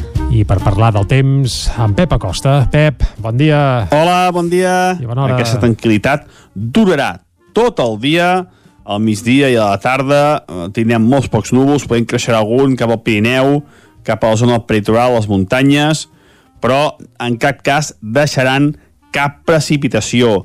Estem en un terreny de ningú, no tenim cap pertorbació important a la vista, de moment.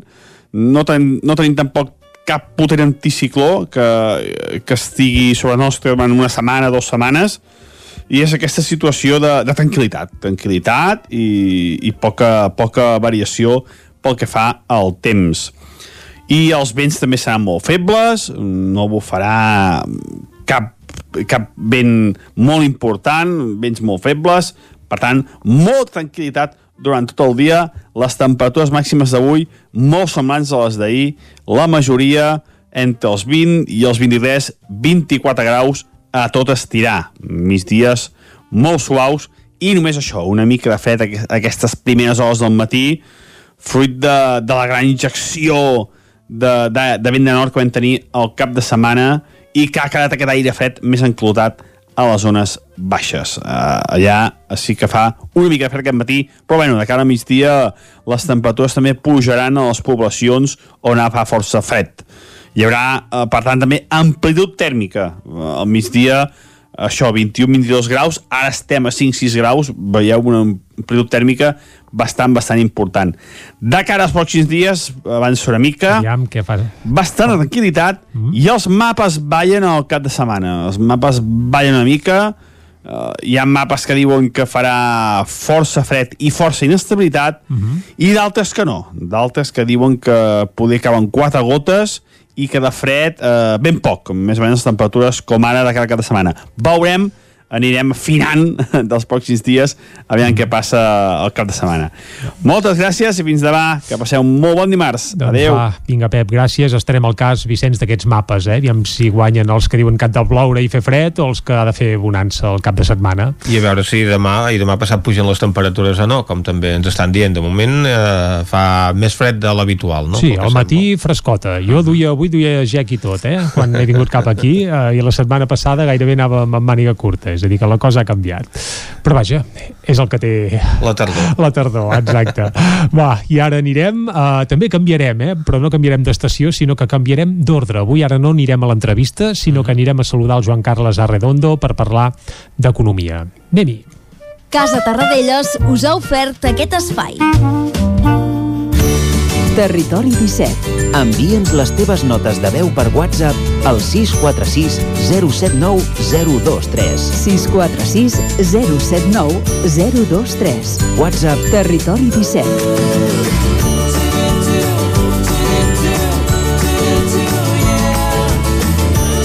Territori 17. Som a Facebook, Twitter i Instagram amb l'usuari Territori 17.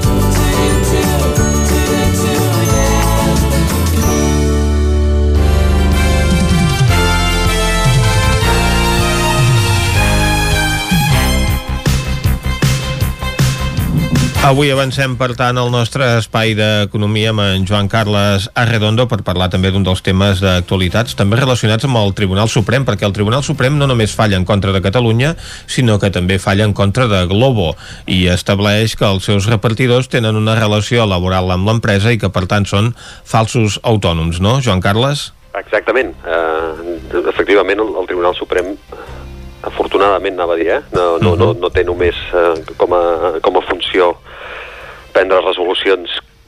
Va, serem suaus i en direm controvertides. Sobre el tema polític, eh, però també diguem-ne que que en el Tribunal Suprem hi ha diverses sales i una de les sales és aquesta sala social, eh, que és la que ha determinat això, que els repartidors de Globo eh, són, han de tenir la consideració de falsos autònoms i per tant aquesta plataforma de lliuraments de menjars de domicili hauria d'establir una relació laboral com la que té qualsevol altre salariat perquè la companyia és la que disposa de les eines essencials pel desenvolupament de la funció empresarial i és la que marca les condicions essencials per la prestació del servei. Eh? Aquest és el motiu pel qual considera que aquí no estem parlant de falsos autònoms, sinó de persones que estan, eh, diguem-ne, que haurien de formar part de la plantilla de l'empresa.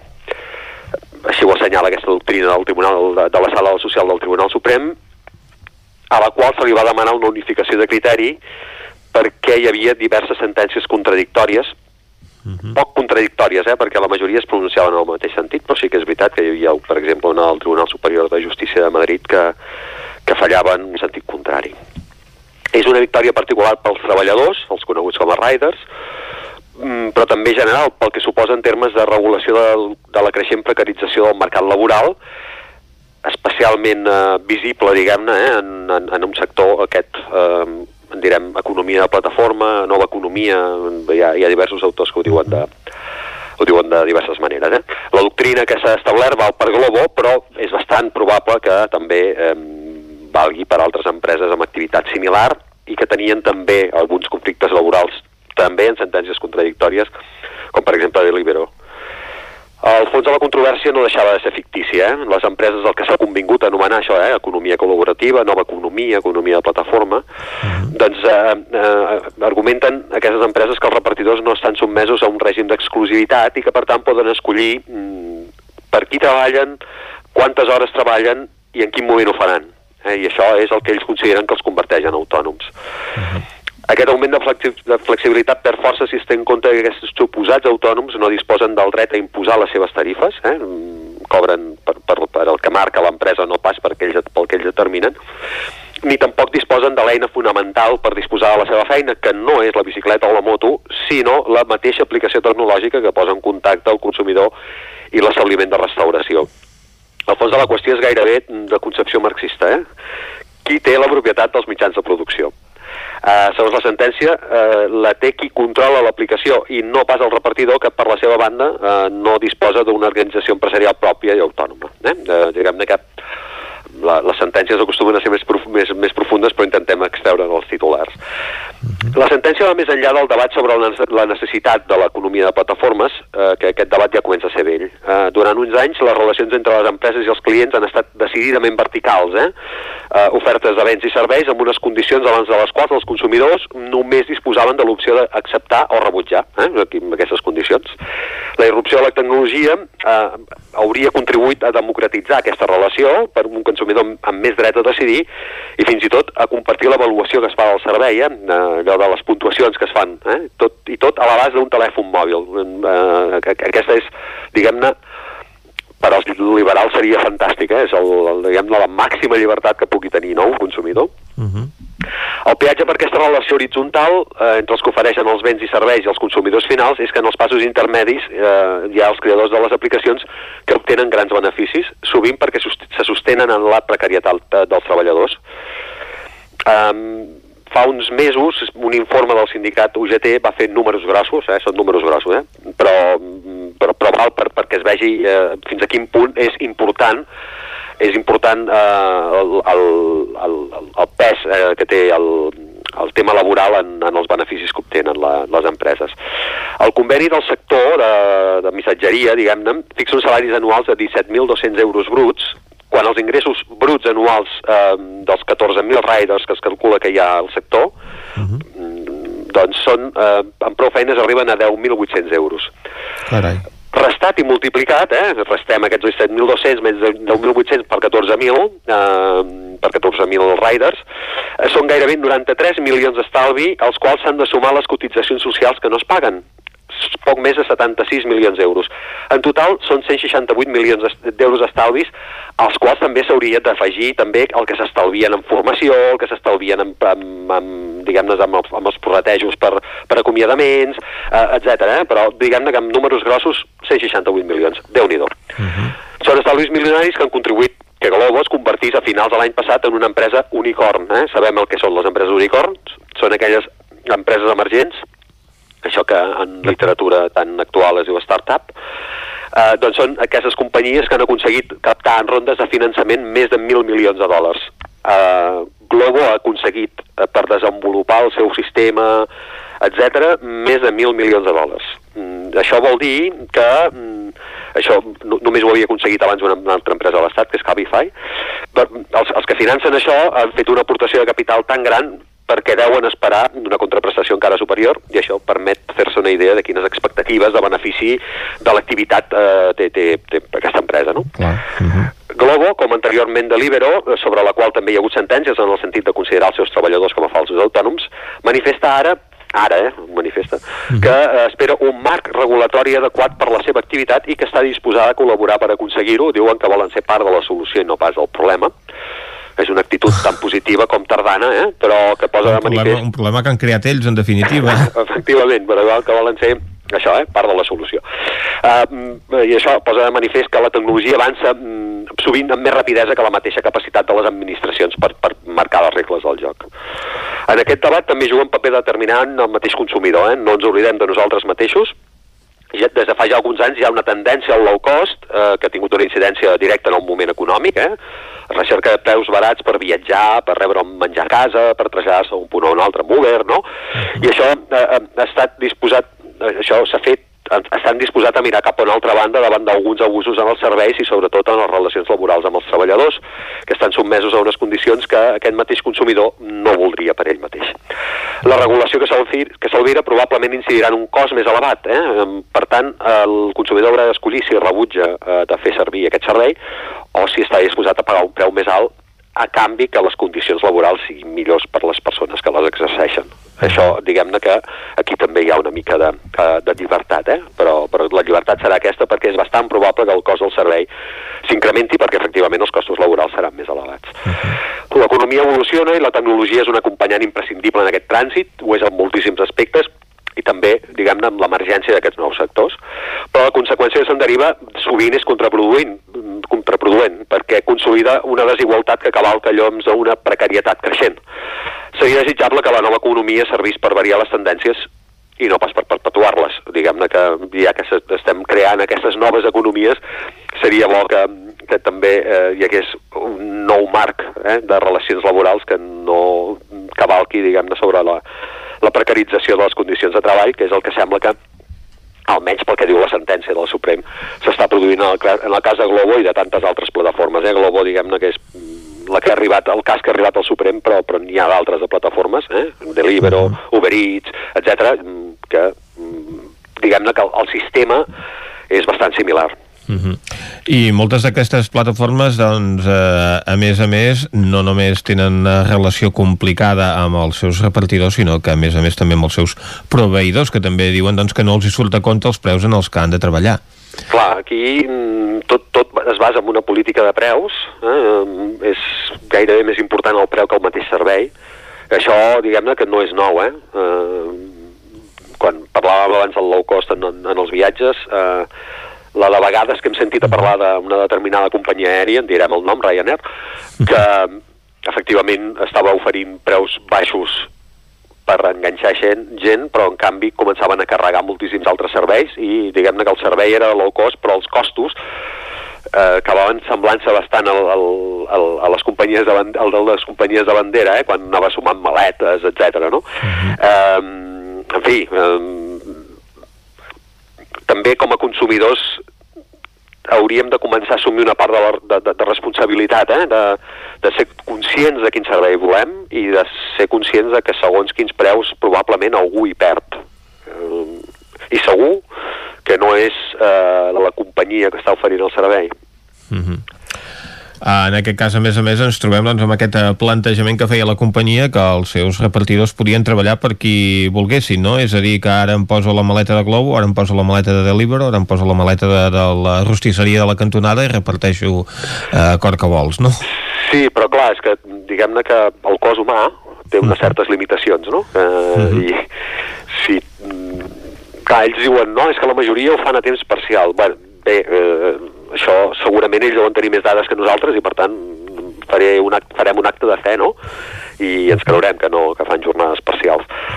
Però, però clar, eh, a quins preus, amb quines condicions, eh, no sé, eh, tots hem vist, eh, amb repartidors de Globo carregats com, com mules portant, portant menjar. I tant. Doncs, Joan Carles, gràcies per haver-nos analitzat aquesta sentència del Tribunal Suprem que certifica que els repartidors de Globo són falsos autònoms i que, per tant, cal regularitzar la seva situació laboral amb l'empresa. Gràcies per acompanyar-los una setmana més en aquest espai d'Economia del Territori 17. A vosaltres, bon dia. Doncs avui amb Economia arribem eh, fins a la pausa d'abans de dos quarts onze i continuarem amb els continguts habituals al Territori 17 d'avui.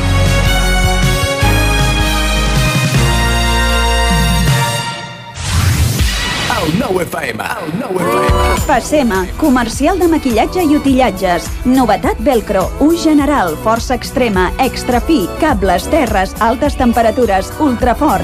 Recorda, novetat Velcro exclusiu a Osona. Passema. Som al polígon Sot dels Pradals, al carrer Cervera 10 de Vic. Telèfon 93 885 32 51. Passema.com Cocodril Club. Si t'agrada la bona música dels anys 60, 70 i 80, escolta el 9 FM als matins de dissabtes i diumenges d'11 a 1. És el temps del Cocodril Club, tot un clàssic de la ràdio, amb les bases del pop-rock, les llegendes, les cançons que s'han convertit en autèntics himnes. Recorda, dissabtes i diumenges al matí, d'11 a 1, al 9 FM 92.8. Cocodril Club, el programa revival de l'Albert Malla. Hasta luego, cocodrilo. Cobertes serveis funeraris. Els nostres tanatoris estan ubicats en els nuclis urbans més poblats de la comarca d'Osona per oferir un millor servei. Tanatori de Vic, Tanatori de Manlleu, Tanatori de Centelles i Tanatori de Roda de Ter. Sabem que són moments difícils i per això el nostre compromís és atendre-us en tot moment amb un tracte humà, sensible i respectuós. Cobertes serveis funeraris. Telèfon 24 hores 93 883 23 46. Anuncia't al 9FM. La màquina de casa. 9 3 8 8 9 4 9 4 9. Publicitat arroba al 9FM.cat. Anuncia't al 9FM. La publicitat més eficaç. Hi ha sensacions que són úniques. Aquell bany relaxant, mirar per la finestra quan plou i com les calderes Bailand, que li ofereixen fins a 15 anys de cobertura total amb el servei tècnic oficial Bailand. Informis a Oficiat Nord trucant al 93 886 0040. Amb el servei tècnic oficial de Bailand, la seva caldera estarà en les millors mans. Calçats Mariona. Tenim les últimes novetats tant per home com per dona. Atenció personalitzada. Us ajudarem a trobar el millor calçat. Obrim de dimarts a dissabtes i també diumenge al matí, coincidint amb el mercat setmanal. Calçats Mariona. Som al carrer Socors 21 de Centelles. Telèfon 603 59 10 13. També ens trobaràs a Facebook i Instagram. Vine a la Sagrera de Centelles. Tenim un ampli assortit de tapes i plats de forquilla. Les nostres patates braves són l'especialitat de la casa. Bombes, callos i les millors hamburgueses complertes de vaca madurada. A la Sagrera hi trobaràs el personal més atent per poder gaudir d'un bon àpat. També som a Instagram amb l'usuari La Sagrera Centelles. El 9FM, el 9FM, el 9FM.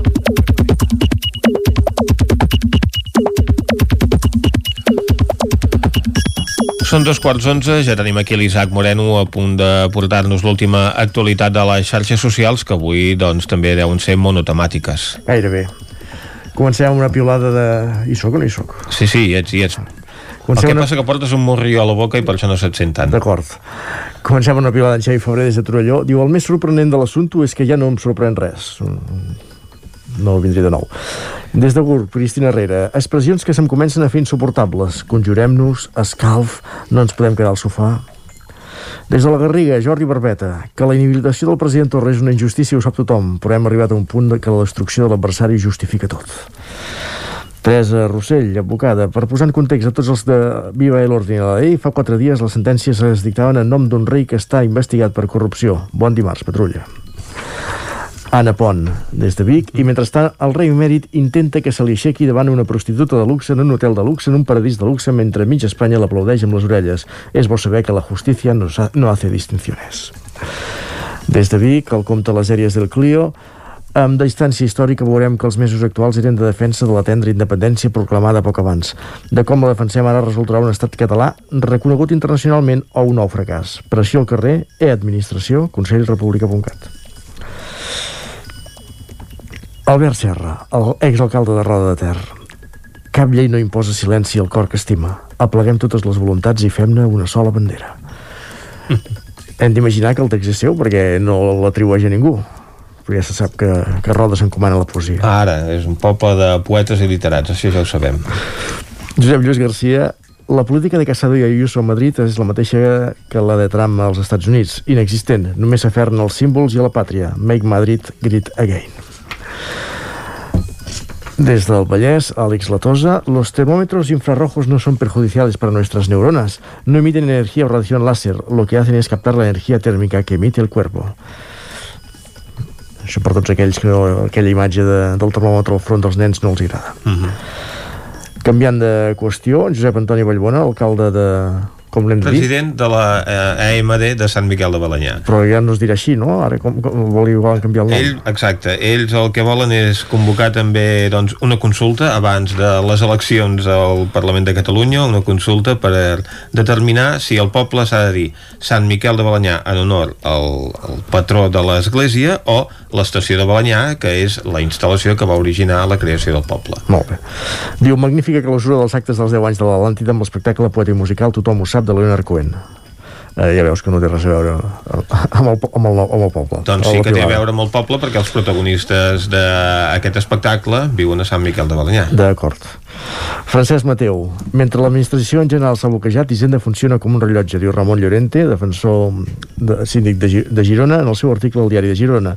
Una demostració de que si l'administració pot, pot funcionar bé per segons què, es pot exigir per segons què. I aquí en aquest cas comparteix tot un fil del fòrum de síndics. I hem llegit abans una pilada de Teresa Rossell, en fa una altra sobre els Estats Units. Diu, em temo que guanyarà, que, sobre Trump, em temo que guanyarà les eleccions i acabarà designant a tot el Tribunal Suprem. També tenim una piolada de Carnes en lluita, la defensa de la llibertat i la dignitat de les dones davant dels assetjaments sexuals cal garantir-la entre totes. Els guanys en aquest camp són victòries de tota la classe obrera, cap sindicat hi haurà hi hauria de girar l'esquena. I si hem llegit un tuit de Francesc Mateu no podem acabar sense la seva poesia diària. Hi ha llum de dia malgrat els núvols que no deixen veure el sol, fa fresca i cal alguna cosa més que un jersei.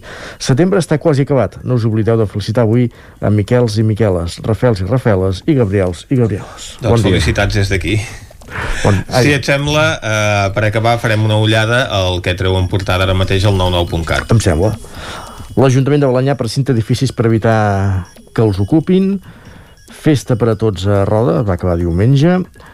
Si no poguéssim teletreballar ni ens ho hauríem plantejat, la crònica d'una de les famílies que ha deixat enrere la URBS per venir a, a viure en terres més rurals, diguéssim, per passar millor els confinaments. Exacte, fora de la gran ciutat. O Manlleu habilitarà espais perquè tots els positius de coronavirus puguin complir la quarantena. Estem expectants a veure on són aquests espais.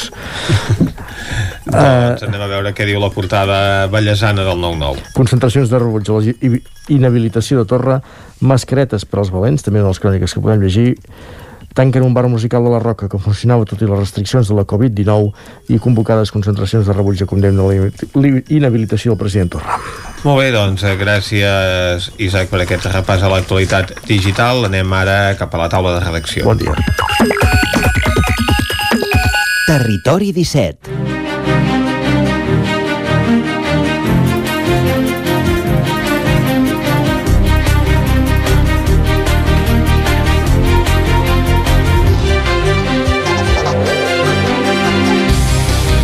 Doncs avui a la taula de redacció comptarem amb en Guillem Freixa i la Clàudia Dinarès.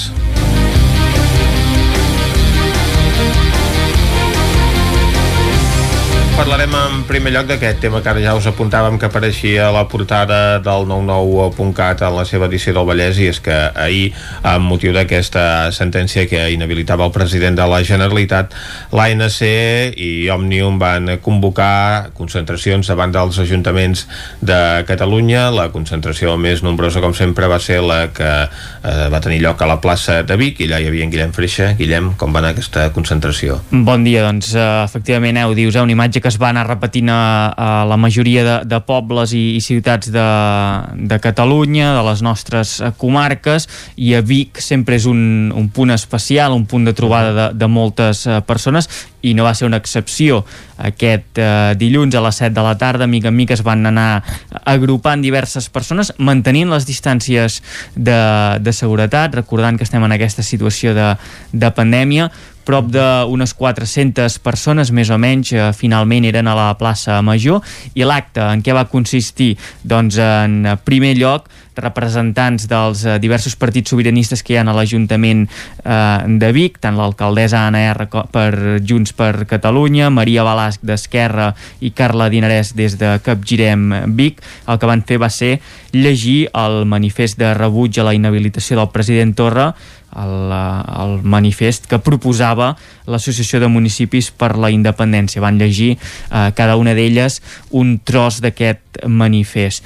Tot seguit eh, van agafar la paraula les eh, diverses entitats eh, civils, sobiranistes, hi van haver parlaments tant d'Òmnium com de l'Assemblea Nacional Catalana, dividida també amb, amb dues veus femenines, una representant a nivell nacional i una representant de la, de la secció local de, de Vic, uh -huh. i per últim també el CDR, un representant del CDR que també va llegir un Parlament.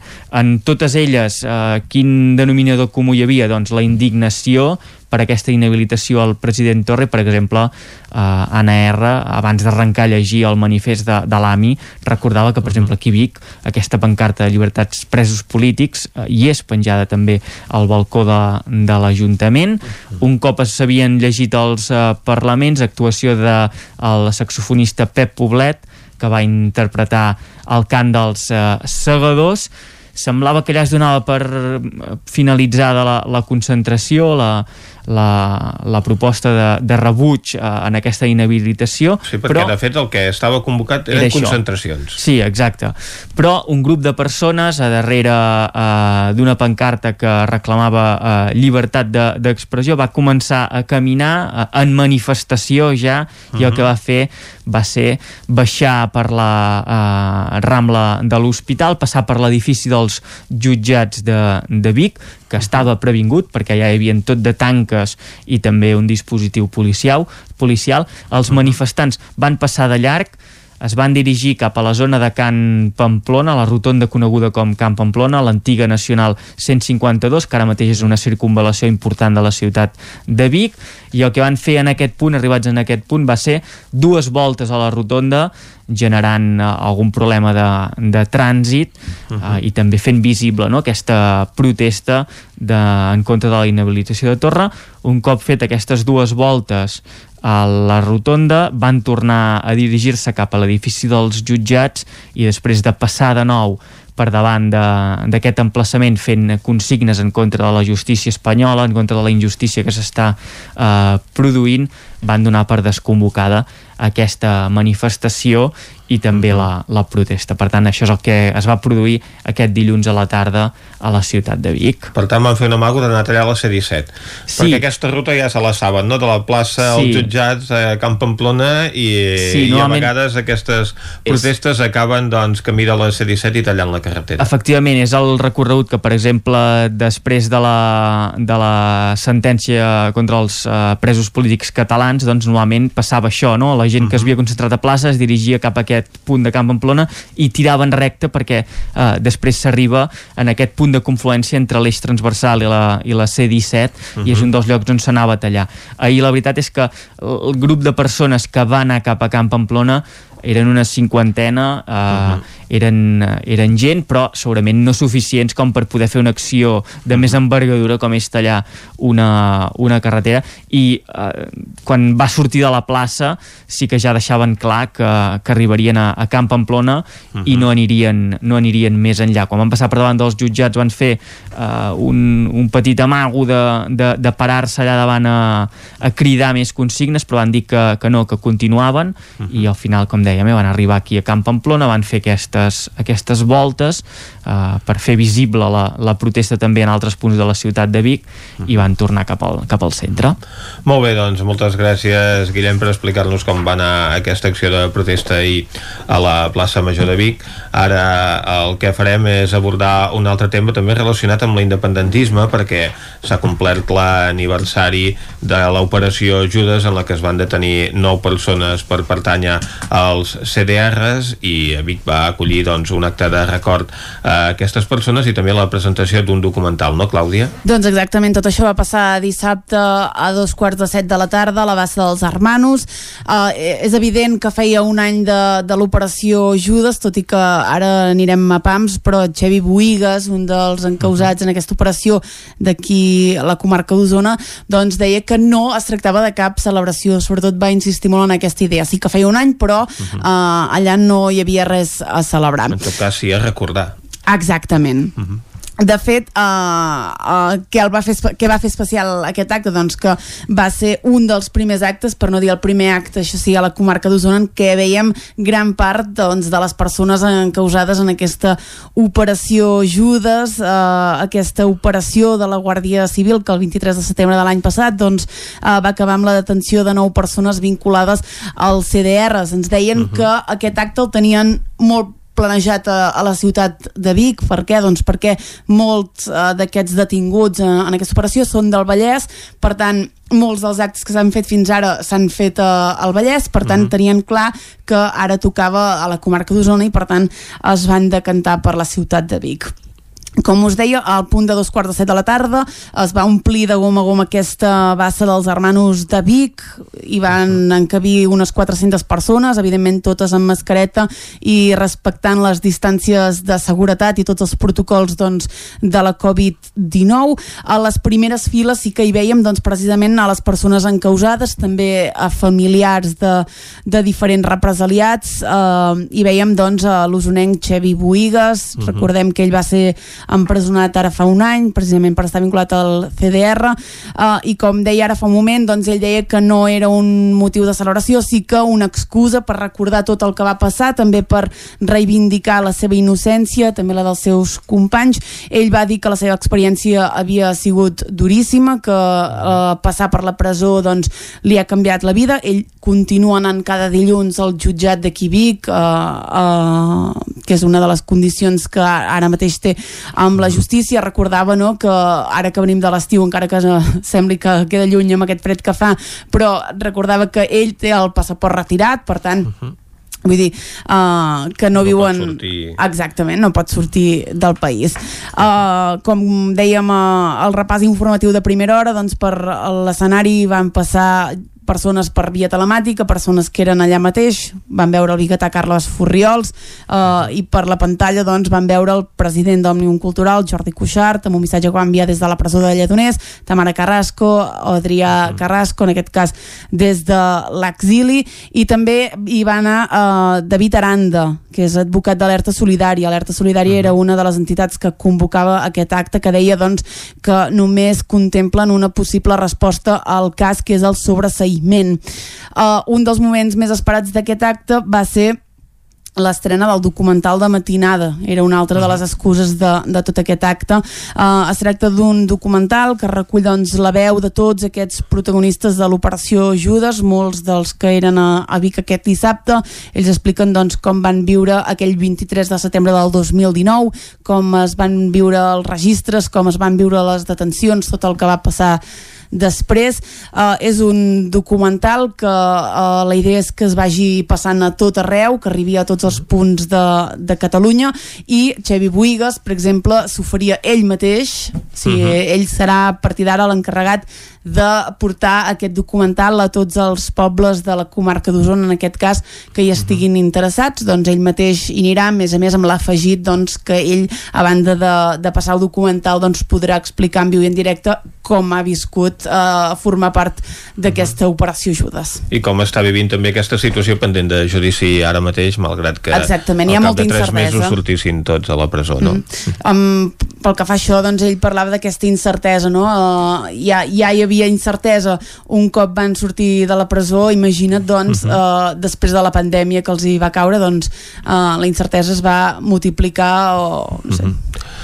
Molt bé, doncs gràcies a Clàudia per aquest repàs, eh, aquest acte que es va fer a Vic de record doncs, a aquests detinguts el 23 de setembre de l'any passat i també us hem parlat d'aquestes concentracions que s'han dut a terme per protestar contra la sentència del Tribunal Suprem que inhabilita el president de la Generalitat. Tanquem aquí aquesta taula de redacció avui amb Clàudia Dinarès i Guillem Freixa.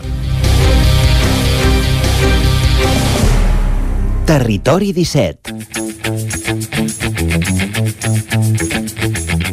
Busca't la vida amb Cela Falgueres. Doncs, Vicenç, tanquem la taula de redacció i anem cap a Cardedeu a saludar la Txela. No? Exacte, com cada dimarts. Vinga, Txela, molt bon dia. Hola, Txela, què tal? Com va tot per aquí, Cardedeu? Molt bon dia, Jordi Vicenç. bon dia, bon Aquí dia. a punt a punt per un nou uh, Busca la vida. Avui us porto una conversa molt interessant. No sé si sabeu com funciona una mica la publicitat a Facebook i Instagram. No gaire. No gaire. No. A veure, Va, la conversa... No hi posem anuncis, Sí, no, no, nosaltres. no, no, de, de moment no.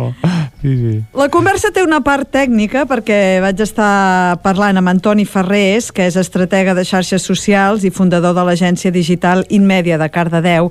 La idea és que bé, hem intentat que sigui bastant per tots els públics, uh, però bé, que tingueu una mica d'idea que, que al final la publicitat a xarxes és una eina que està a l'abast de moltes petites empreses i que, bé, descobrim amb Antoni què ens ha de dir d'aquest tipus de publicitat.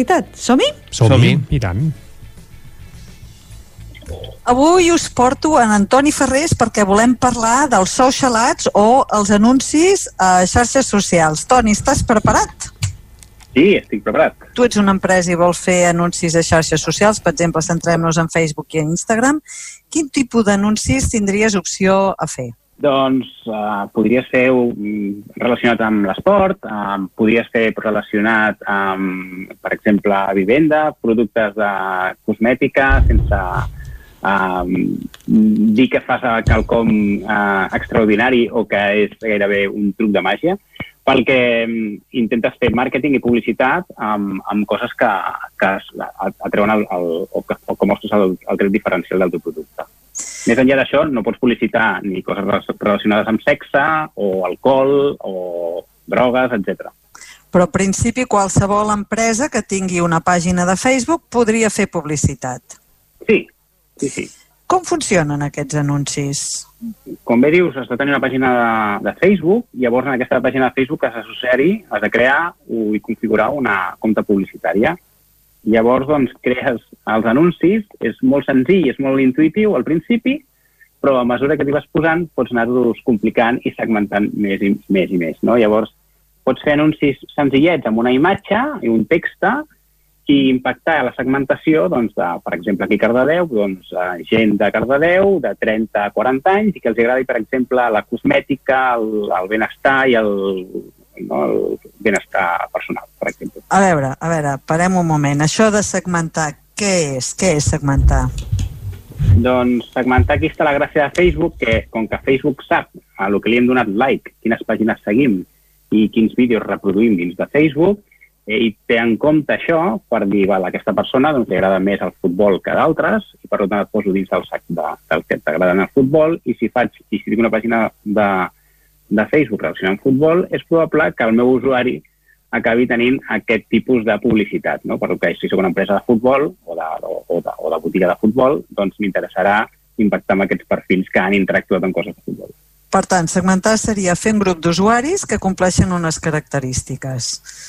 Això. Pots dir dones que visquin a Cardedeu i 10 quilòmetres al voltant, que tinguin eh, fills d'entre 3 i 6 anys, que els agradi la cosmètica natural i que eh, tinguin alguna... Això podries tu fer un grup d'usuaris així, Facebook t'ho permetria i en aquests usuaris els ensenyes aquell anunci que saps que aquella dona quan vegi allò dirà ah, ho he de comprar. Exacte. Sí, sí, sí. I quan més diners hi posis dins d'aquesta segmentació en la publicitat, doncs més vegades o a més gent arribarà dins d'aquest grup de segmentació.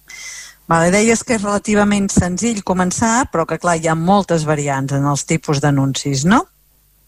Sí, moltes variants. Aquest és el primer pas. Després hi ha altres variants com pots fer públics similars a aquest mateix que hem explicat. Uh, el propi Facebook et proposa poder fer públics similars, que em fa molta gràcia la paraula, però ell ja fa automàticament, com el seu robot, públics que són molt similars uh, al comportament del, del grup de, de, no? d'usuaris que has creat anteriorment de forma manual. També pots fer altres tipus de segmentació en relació als visitants que has tingut a la teva web, per exemple. O podries dir gent que s'assembli a la gent que ha visitat aquesta pàgina a la meva web sí. i si ha estat més sí, sí. de tant temps. Exacte. Amb la qual les opcions I... són moltíssimes. Exacte, exacte. O gent que ha interactuat en el meu Facebook els darrers 180 dies, 30 dies o tot un any. Llavors, doncs, et dona també un altre tipus de, de públic objectiu al qual impacta el teu anunci. Molt bé, tu, jo tinc una empresa i ara vull espiar què està fent la meva competència. Mm -hmm. Facebook dona algunes eines perquè jo pugui veure quins anuncis i què estan fent la meva competència? Sí, sí, sí de fet, uh, ja, Facebook, per exemple, té l'Ads Activity que et permet veure no, ara, no parlo de la competència, però sí que parlo de, de, de, dels anuncis que t'estan impactant a través del teu timeline i, i per tant pots saber eh, quins són els anuncis que, que has vist o has fet clic, etc. Això és, és, trans, és transparent per part de, de, de Facebook. I també hi ha una altra pàgina que és la Livery, que és ads barra Livery, em sembla, que et permet doncs, eh, posar a través de, de, del cercador doncs, la paraula que vulguis, la paraula clau, i et mostrarà els anuncis d'aquella fanpage, d'aquella pàgina de Facebook que s'està publicitant i que té anuncis actius. ¿vale? Això és més aviat relacionat per, per temes més socials o de política. O sigui que, això devia venir amb tota la... Perdona, això devia venir arran de totes les crisis de que si Facebook era imparcial i que no hi havia prou transparència, per tant jo puc buscar sí partit tal i me sortirà els anuncis que han fet, que han invertit, amb quina segmentació han fet, o sigui, puc tenir aquí una espiada bestial, no? Exacte, exacte. I, i és més, sempre que veiem un, un anunci, ho veiem clarament perquè sota del seu títol posa publicitat, i a la dreta hi ha els tres puntets que si cliquem a la dreta en aquests tres puntets pots veure, hi ha una opció que, que és molt interessant que es diu per, per què veig això? Llavors, eh, en mostra eh, la segmentació que ha fet servir aquest anunciant, aquest anunci, per la qual eh, tu estàs veient aquest anunci. No? Per exemple, si a mi m'agrada el màrqueting i jo estic veient un, un, un anunci relacionat amb això, eh, és molt probable que quan jo li doni els tres puntets i digui per què veig això? Dirà, perquè vostè és un, està dins del sector del màrqueting, perquè ho sabem, i per això li mostrem aquest anunci. Llavors, doncs, estaria ben feta aquesta publicitat. I també tens la possibilitat amb aquests tres puntets de dir no vull veure més anuncis d'aquesta gent perquè m'estan marejant, no? Diguem? Exacte, inclús fer això i inclús poder-ho denunciar. Val? És a dir, alguna vegada s'ha passat que um, el robot de Facebook és molt hàbil i molt llest i si publiques alguna cosa que està en contra de les seves normes de publicitat, ells mateixos es poden banejar. Poden banejar el contingut o inclús et poden tancar la pàgina um, de forma temporal o permanent. Però uh, també pot ser la pròpia comunitat, els usuaris, els que denunciïn aquell contingut de forma proactiva. Què diries amb una empresa que ara amb tot la, el món digital, que necessitem més que mai estar en el món online, que vulgui començar publicitat online? Quina recomanació inicial els hi donaries tu? Amb una petita empresa, eh, diem? Sí, la meva, la meva recomanació sempre és poder-ho provar, almenys. Eh, provar amb les capacitats que i budgets que puguin disposar, provar-ho, i el bo d'això és que podem, és escalable i permet jugar molt amb, amb els pressupostos, per lo que es pot um, perseguir un objectiu um, perfectament assumible o, o de curta durada, per dir-ho d'alguna manera, poder provar-ho amb una campanyeta amb diferents tipus de públics objectius i al final esbrinar i decidir quin és el públic objectiu que millor ha funcionat i el per què, etc i perquè a vegades els públics objectius és, són, són curiosos perquè a vegades acaben funcionant al públic objectiu que menys t'esperes. No? Dius, mm. aquest és el que funcionarà millor i t'acaba funcionant un altre, no?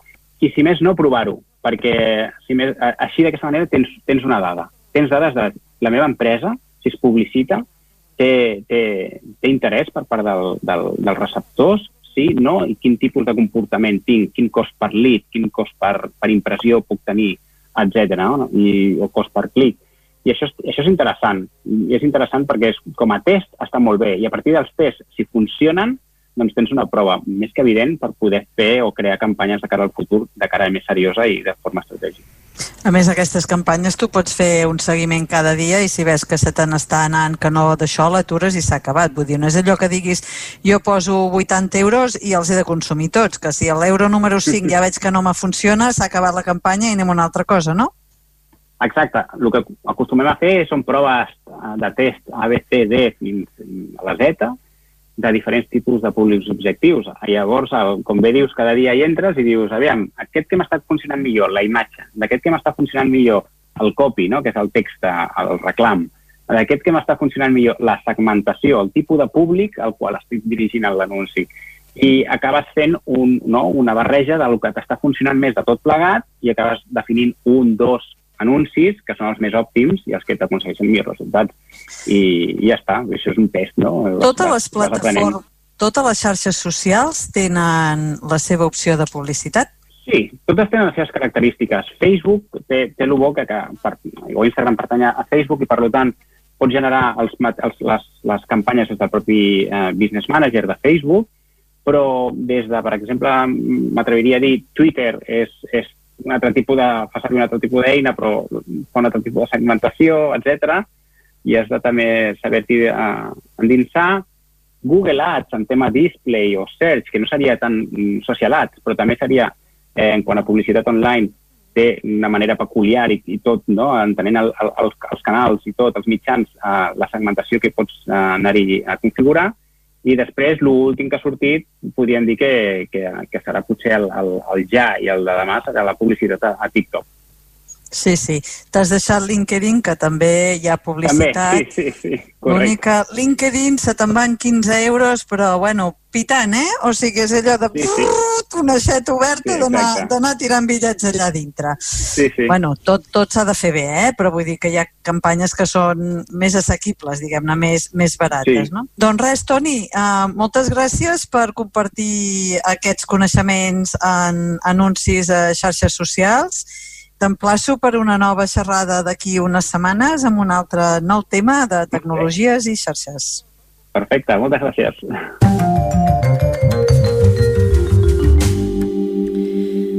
L'app d'aquesta setmana en principi em va agradar molt, però a mida que vaig anar descobrint i llegint coses, vaig començar a pensar que tècnicament que no està molt bé, però tinc els meus dubtes. Exacte.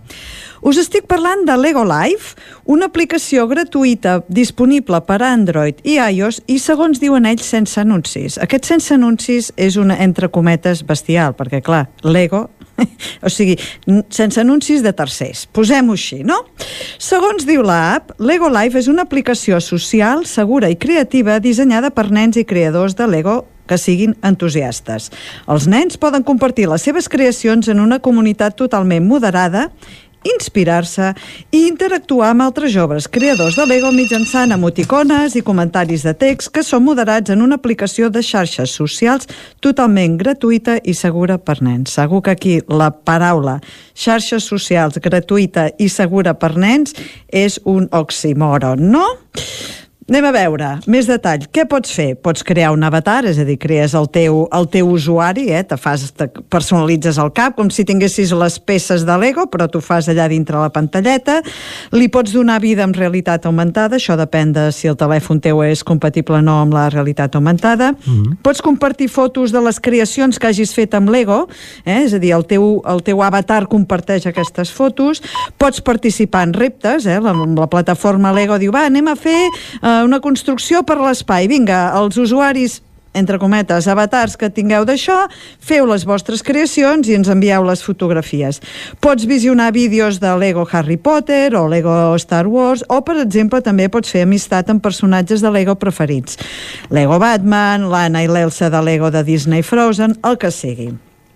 A veure, jo crec que és una publicitat encoberta i ben, més ben dit, molt poc encoberta. Eh? Jo crec que la, la gràcia de l'Ego és fer creacions amb les mans.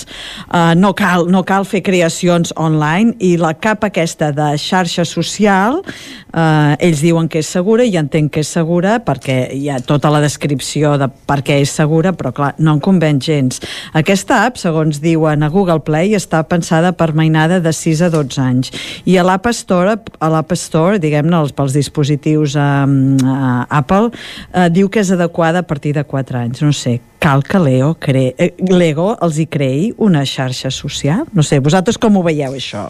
Mira, jo he estat a Legoland, eh, al, al malic d'aquesta empresa, i tenen allà una espècie de, de parc temàtic que es diu Lego House, que és espectacular, on veus que, a part de Lego i construir manualment com s'ha fet sempre, hi ha 50.000 invents més, molts lligats amb aquesta aplicació que comentes, suposo, mm. i la veritat és que, oh, doncs jo me l'instal·laria i tot, eh? Bé, bàsicament ja l'hi tinc, em sembla, de lo poc que tinc al mòbil i als nens els hi encanta. Però, fet aquest apunt, és evident que propaganda, evidentment, per tot arreu, clar, ni que sigui de la seva pròpia casa.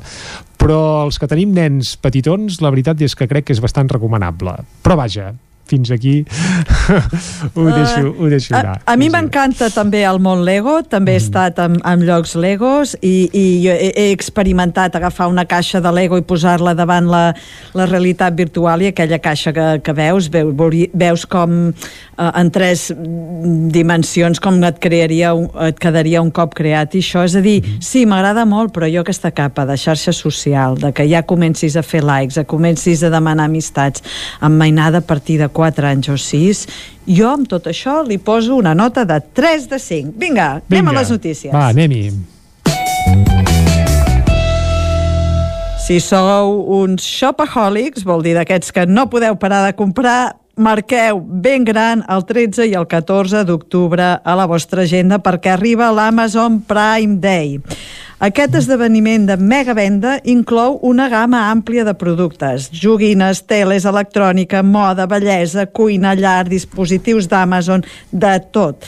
El Prime Day tindrà lloc a diversos països del món, entre ells Espanya, i en l'edició 2020 per primera vegada inclourà Turquia i Brasil una coseta, t'has de fer un compte Prime d'Amazon. És a dir, que no pots accedir a aquests descomptes si primer no pagues aquests, no sé si són 5 dòlars o el que sigui. Uh, jo el que faig és, molt bé, m'ho apunto, si realment crec que m'interessarà, i apunta't a l'agenda després al cap d'uns mesos de subscriure'm, perquè si no te'n descuides i el mes que ve ja segueixes passant, pagant una altra vegada Amazon Prime. A menys que ja no siguis d'Amazon Prime, que té les seves avantatges, que tens entregues sense haver de pagar moltes vegades l'enviament, uh, tens tens eh, Amazon Tele també no sé què, o sigui, això ja però si no t'has de fer Amazon Prime per poder gaudir d'aquesta mega venda que tindrà lloc el 13 i el 14 d'octubre. I ja per acabar el programa anem a dir que això també va sortir a TV3, però si TV3 ho diu per què no ho hem de dir a Busca la Vida, que Google Maps tindrà una capa per la Covid. Aquesta nova capa en els mapes ajudarà a visualitzar el nombre de casos en una àrea determinada, casos per cada 100.000 persones. Eh? I també inclou etiquetes que indiquen si la tendència eh, de, dels casos va cap a l'alça o van cap avall. Aquesta informació, tal com diu Google, prové de diverses fonts, inclòs el John Hopkins, el New York Times i la Viquipèdia. Encara s'està implementant, jo he estat mirant diverses vegades a veure si en el meu Google Maps me surt uh, aquesta capa, uh, a mi encara no m'apareix, per tant és que encara ho estan implementant de forma progressiva, o sigui que si encara no ho veieu, una mica de paciència i després podrem anar explorant i no sé si és a fi de bé o a fi de mal, perquè potser necessitem una mica de desconnexió i no anar veient el mapa i anar veient si allà és en vermell i la cosa va creixent o no. En fi, això cadascú ja prendrà les seves decisions decisions. Fins aquí el programa d'avui. Uh, us convido a que ens retrobem el dimarts que ve. Doncs quedem així, Xela. Dimarts que ve, més buscat la vida.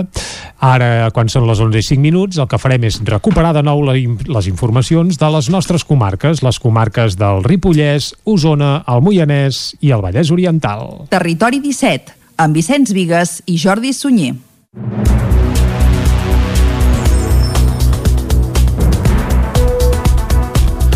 El Tribunal Suprem confirma per unanimitat la inhabilitació d'un any i mig i 30.000 euros de multa pel president de la Generalitat, Quim Torra. Una inhabilitació que el Tribunal justifica després que Torra desobeís de forma contumàs, obstinada i reiterada a la Junta Electoral Central en no retirar llaços grocs i una pancarta a favor dels polítics presos durant el període electoral de la primavera del 2019. D'aquesta manera ratifica la condemna imposada pel Tribunal Superior de Justícia de Catalunya. El tribunal diu que l'exhibició de símbols durant el període electoral vulnera la neutralitat de les institucions. La sentència el condemna a un any i mig d'inhabilitació especial tant per l'exercici de càrrecs públics electius, ja siguin d'àmbit local, autonòmic, estatal o europeu, com per l'exercici de funcions de govern en els àmbits locals autonòmic i de l'Estat.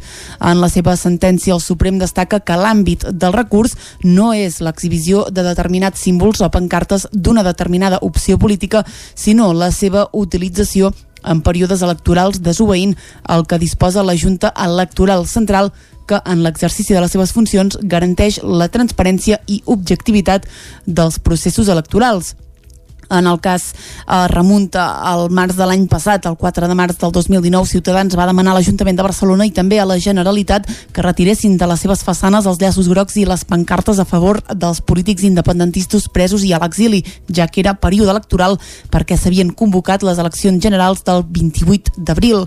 El govern va eh, dir que no retiraria la simbologia i Ciutadans va portar el cas a la GEC el dijous 7 de març, el dia 21. Al matí la Generalitat va tapar el llaç groc i la pancarta per una pancarta que deia el mateix però substituïa el llaç groc per un de blanc amb una franja vermella a sobre.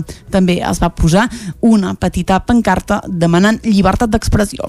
Unes 400 persones es van concentrar ahir a les 7 de la tarda a la plaça Major de Vic per mostrar el seu rebuig a la inhabilitació del president de la Generalitat, Quim Torra. Per part de l'Ajuntament es va fer un manifest institucional al qual van transmetre l'alcaldessa de Vic, Anna R, i les portaveus d'Esquerra Republicana i Capgirem Vic, Maria Balasqui i Carla Dinarès. R va dir que era un acte més de repressió per part del govern espanyol i va assegurar que la independència n'és la solució. Per desgràcia, avui tornem a tenir la plaça de Vic plena per una altra repressió dura que ens estan fent al nostre país i que avui això, han enderrocat doncs, un president en exercici i senzillament és una mostra més d'aquesta contínua repressió i avui li ha tocat al president però hi ha 2.850 persones també pendents d'aquesta repressió. Els que continuem pensant que la solució d'aquest país és la independència, no deixarem de lluitar i, evidentment, tot i que avui ens han enderrocat el president, no ens fan por les urnes, anirem a les urnes i esperem que el poble respongui el que cal i el que li necessita, la llibertat d'aquest país. Durant l'acte també van llegir un manifest representants d'Òmnium, del CDR, del Consell Local per la República de Vic i de l'Assemblea Nacional Catalana. L'acte va finalitzar amb el cant dels segadors tocat amb el saxo de Pep Poblet. En acabar els assistents es van dirigir cap als jutjats. Caldes de Montbui vol projectar un nou parc al barri de la Bolera. L'últim ple municipal va aprovar expropiar un solar per poder fer el parc. Caral Campàs, dona Codinenca. L'Ajuntament ha aprovat per unanimitat expropiar el solar entre els carrers Aparici, Santo Domingo i Buenos Aires per fer un parc.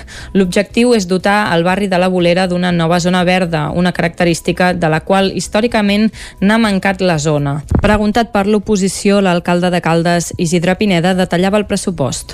Per respondre al, al que comenta eh, el regidor de Junts, um, certament uh, hi ha disposició pressupostària, de fet hi ha 300.000 euros uh, pressupostats amb pressupostos um, uh, vigor, aquesta és una part de l'expropiació, és la finca que està sense càrregues, com ha explicat el regidor Jaume Mauri, i de fet és una tercera part per entendre els números rodons a nivell pressupostari i també de superfície, però com bé han dit, eh, és una molt bona notícia poder dotar d'aquest espai verd que, que preveu, de fet, el planejament en una de les zones més densament poblades del, del municipi. Comencem amb aquesta, amb aquesta finca, que és la que està lliure de càrregues i que ja amb, aquest, eh, amb aquesta proposta passarà a ser de propietat o espai municipal. A més, en l'últim ple també va quedar aprovat per unanimitat el pla especial de l'equipament que està previst construir a l'Avinguda Fontcoberta. El tràmit consisteix a donar la qualificació d'allotjament de gestió municipal a aquest espai que en un futur esdevindrà un habitatge jove amb contenidors marítims. L'ordenació volumètrica serà de planta baixa i dos pisos, respectant l'alçada màxima dels edificis de l'entorn.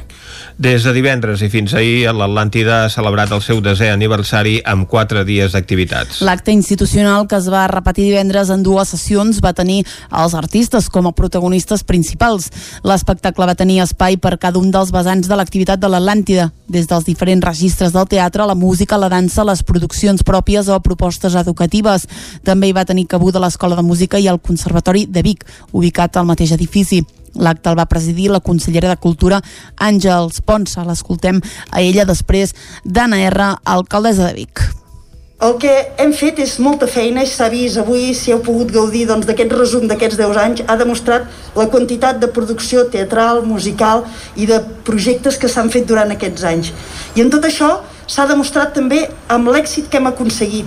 Aquest èxit d'aquest projecte que cada vegada d'aquests 10 anys demostra la seva consolidació, també la resposta del públic, perquè si fem un còmput general de totes les actuacions, estem molt contents perquè tenim un 76% de les sales sempre ocupades. Hem de retornar a la cultura el que ell ens ha donat en aquest confinament. Jo crec que ara hem d'omplir els teatres, hem de comprar més llibres, hem d'anar a més concerts, aquí el director del Palau de la Música doncs també hem de, de tornar a sentir música en viu, en directe L'impacte visual de la nit el van signar els dos ballarins de la companyia del revés amb una coreografia interpretada sobre la façana de la caixa escènica de l'Atlàntida.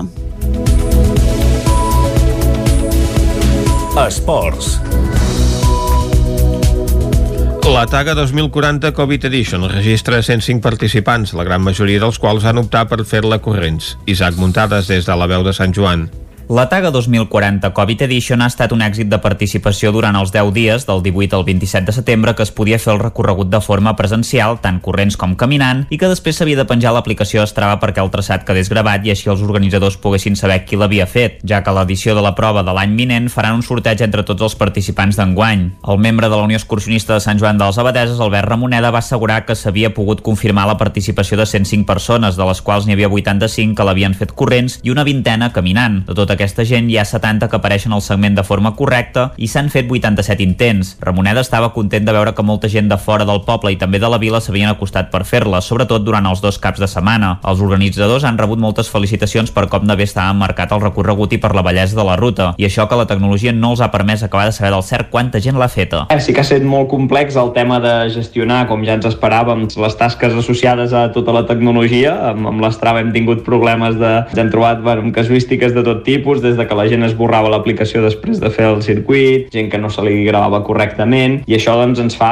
no tenir una traça exacta de realment tothom qui ha participat. De tota manera, avui penjarem tota la classificació i, el, i els participants d'aquesta edició perquè la gent ens pugui dir doncs, doncs, si, si hi ha alguna informació incorrecta o si han participat i, i resulta que no hi apareixen, que pot ser. Els organitzadors de la prova també han après dues lliçons després d'haver fet aquesta taga 2040 Covid Edition. Un potser esperàvem més gent amb la participant amb el format caminant, però ens hem adonat que potser la ruta de 15 quilòmetres i 900 metres de desnivell caminant es fa una mica llarga per un públic més general, ja, ja que la gent eh, tardava entre 3 hores i mitja, 4 hores en una ruta força exigent. Llavors, eh, creiem que si s'ha de fer una caminada, potser convé que sigui una mica menys exigent perquè hi participi més gent i per fer-la més accessible. I respecte a l'altre punt que també eh, hem après és que la gent li agrada que si es diu cursa del Taga es pugi dalt del Taga. Llavors, molta gent també ha, ha fet una petita variant del recorregut i ha acabat pujant a, a la muntanya.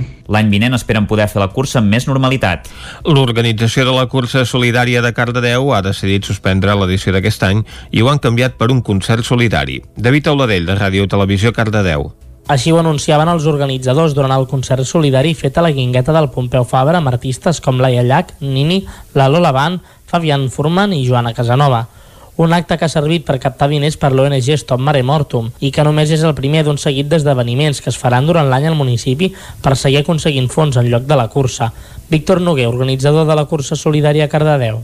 Del primer moment, quan va començar a sortir la pandèmia, que nosaltres sempre hem organitzat la cursa solidària de Cardedeu, vam veure que podia ser complicat el tema de- d'organitzar la cursa aquest any i ens vam començar a moure per fer altres actes per no deixar de banda el que nosaltres sempre ens ha preocupat, que és la causa i dels refugiats, de les persones refugiades i tot el que està passant al Mediterrani. La decisió, però, no ha estat fàcil pels membres de l'organització. Víctor Noguer. Ens, ens planteja un problema moral, ètic, de dir si cal fer la cursa o no cal fer-la eh, en aquestes circumstàncies. Aquest és un acte més que s'ha vist afectat per la pandèmia del coronavirus, però tot i això l'objectiu principal de la cursa, que és aconseguir diners per diferents ONGs que centrin la seva activitat al mar Mediterrani i els refugiats, segueix endavant. I fins aquí el butlletí informatiu de les 11, que us hem fet, com sempre, amb les veus de Vicenç Vigues, Clàudia Dinarès, David Auladell, Caral Campàs i Isaac Muntades. Ara el que toca és una molt breu pausa de res de 20 segons i de seguida saludem a Uri Tresserra per parlar d'un projecte que pareu bé l'orella, val molt la pena. Fins ara mateix. Territori 17. Envia'ns les teves notes de veu per WhatsApp al 646 079 023. 646 079 023. WhatsApp Territori 17.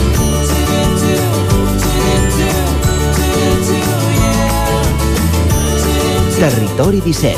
Som a Facebook, Twitter i Instagram amb l'usuari Territori 17.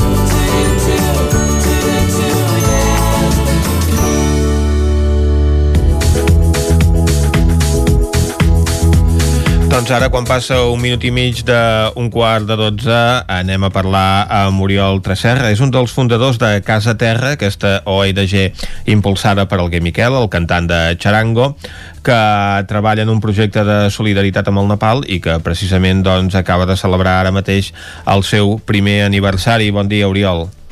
Bon dia. Moltes fer- gràcies per, per la trucada. Gràcies a tu per explicar-nos una mica quina és la vostra activitat, què feu amb aquesta associació i com va anar aquest acte d'aniversari que veu celebrar dissabte, no? El primer aniversari de l'entitat. Sí, aquest, aquest dissabte vam, vam poder celebrar aquest aniversari de vida i una mica uh, l'entitat ens fa un any perquè nosaltres volíem donar la volta al concepte de cooperació internacional i el que vam fer és decidir que en lloc d'anar creant entitats i ONGs que al final van cronitzant sense voler el món, uh, el que vam fer és generar un Sembla que tenim algun eh, problema amb aquesta trucada, a veure si podem eh, recuperar el so de l'Oriol. Em sents? Em Ara sí, ara, Ara sí. millor, ara Ah, millor. doneu. Hi ha hagut un buit puntual. Seguim. D'acord. Explicava simplement que nosaltres el que fem és localitzar activistes d'arreu del món Mhm. i donar-los visibilitat perquè pensem que, que, que, que el sistema d'anar creant ONGs i anar tutelant el món des de la perspectiva occidental potser ja no és la millor manera, és un desgast de recursos i una manera en el que també bloquegem a, a, a aquests països i per tant el que vam decidir és localitzar activistes d'arreu del món i simplement presentar-los, fer-los d'altaveu i, i, i recolzar directament el, el desenvolupament a, a través de figures autòctones. Uh -huh. Això seria la funció que nosaltres i el projecte que nosaltres plantegem. Perquè aquest projecte neix després de diverses visites al Nepal i conèixer la realitat del país, no?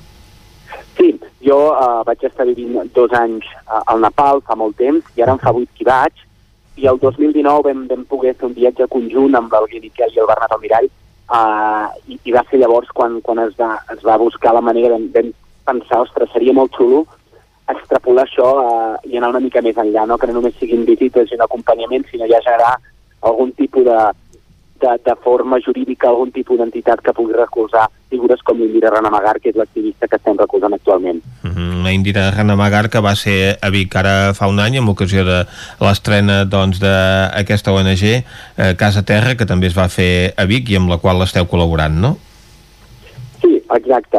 És el primer projecte que vam incorporar, eh, és el que més coneixem i va ser, de fet, ha estat la persona que ha detonat l'excusa per generar Casa Terra, uh -huh. i poder-ho celebrar amb ell aquí i presentar el projecte, més que celebrar la, la primera visita de l'estrena del projecte, inaugurar Casa Terra, fent una petita gira per Catalunya amb, amb ella i, i, i va ser meravellós, la veritat. Va, deixa'm dir-te també que incorporarem sí. un segon projecte que es diu Etualdo Sur, uh -huh. que ja us anirem presentant, i que en aquest cas són activistes del Congo, són dones, que es dediquen a anar a comunitats a, a explicar els drets de la dona, són dones que han patit abusos bastant importants, han patit desigualtat, i el que fan és simplement anar a dedicar el seu temps lliure en comunitat, anar conscienciant i explicar els drets de les dones d'allà. Us en parlarem. Uh -huh. Perquè en aquest, en aquest projecte doncs, que s'ha desenvolupat aquest any amb Indira Ranamagar, vosaltres heu col·laborat en, eh, en la seva associació que eh, dona ajut a dones preses, no? Sí, és una associació que ara farà, farà 20, 20 anys que la té, ella en fa 30 que, que està dins d'aquest món penal, uh -huh. i el que fa és sobretot recolzar a dones, nens i persones vulnerables, podrien ser temes de multidiversitat funcional o de salut mental. Llavors, sempre tot un ecosistema per donar resposta a tot aquest col·lectiu de persones que són les més vulnerables i estigmatitzades. Uh -huh. I amb aquesta doncs, activitat s'han dut a terme, eh, tinc entès, doncs, la creació des de centres de dia per atendre els nens de, de mares que són a la presó, perquè aquests nens doncs, viuen a la presó amb les seves mares, o també una casa d'acollida a la capital nepalí, no?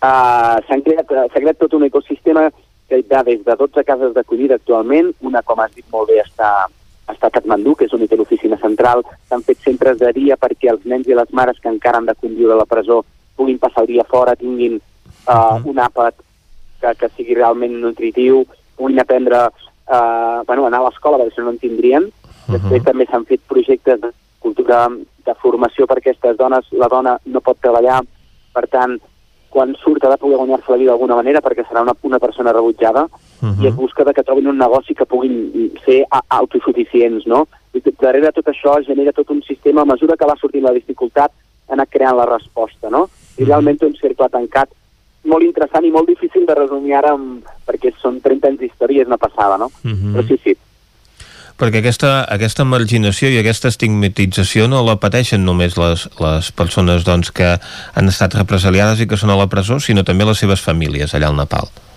Sí, uh, uh, hi ha un sistema que teòricament està abolit, uh, que és el sistema de casta.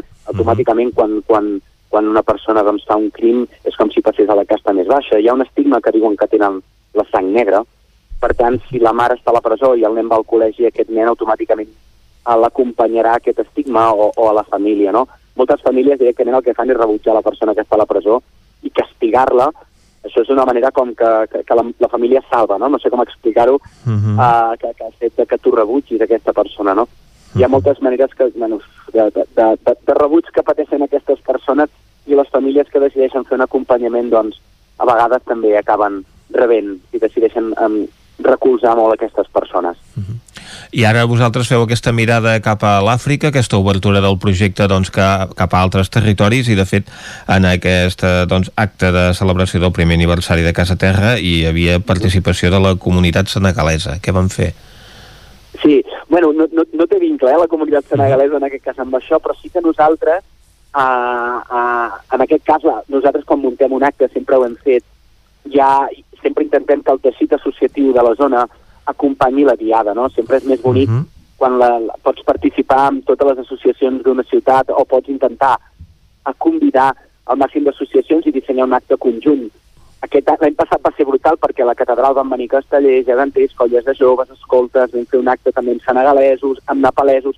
Aquest any les mesures del Covid ens han reduït completament a l'acte. No? En aquest cas els senegalesos ens acompanyaven perquè ja són, a- sempre estan oberts a acompanyar-nos. Tenim molta sort a la ciutat de Vic perquè tenim molta multidiversitat i moltes cultures i poder-ne formar part tots va ser molt bonic.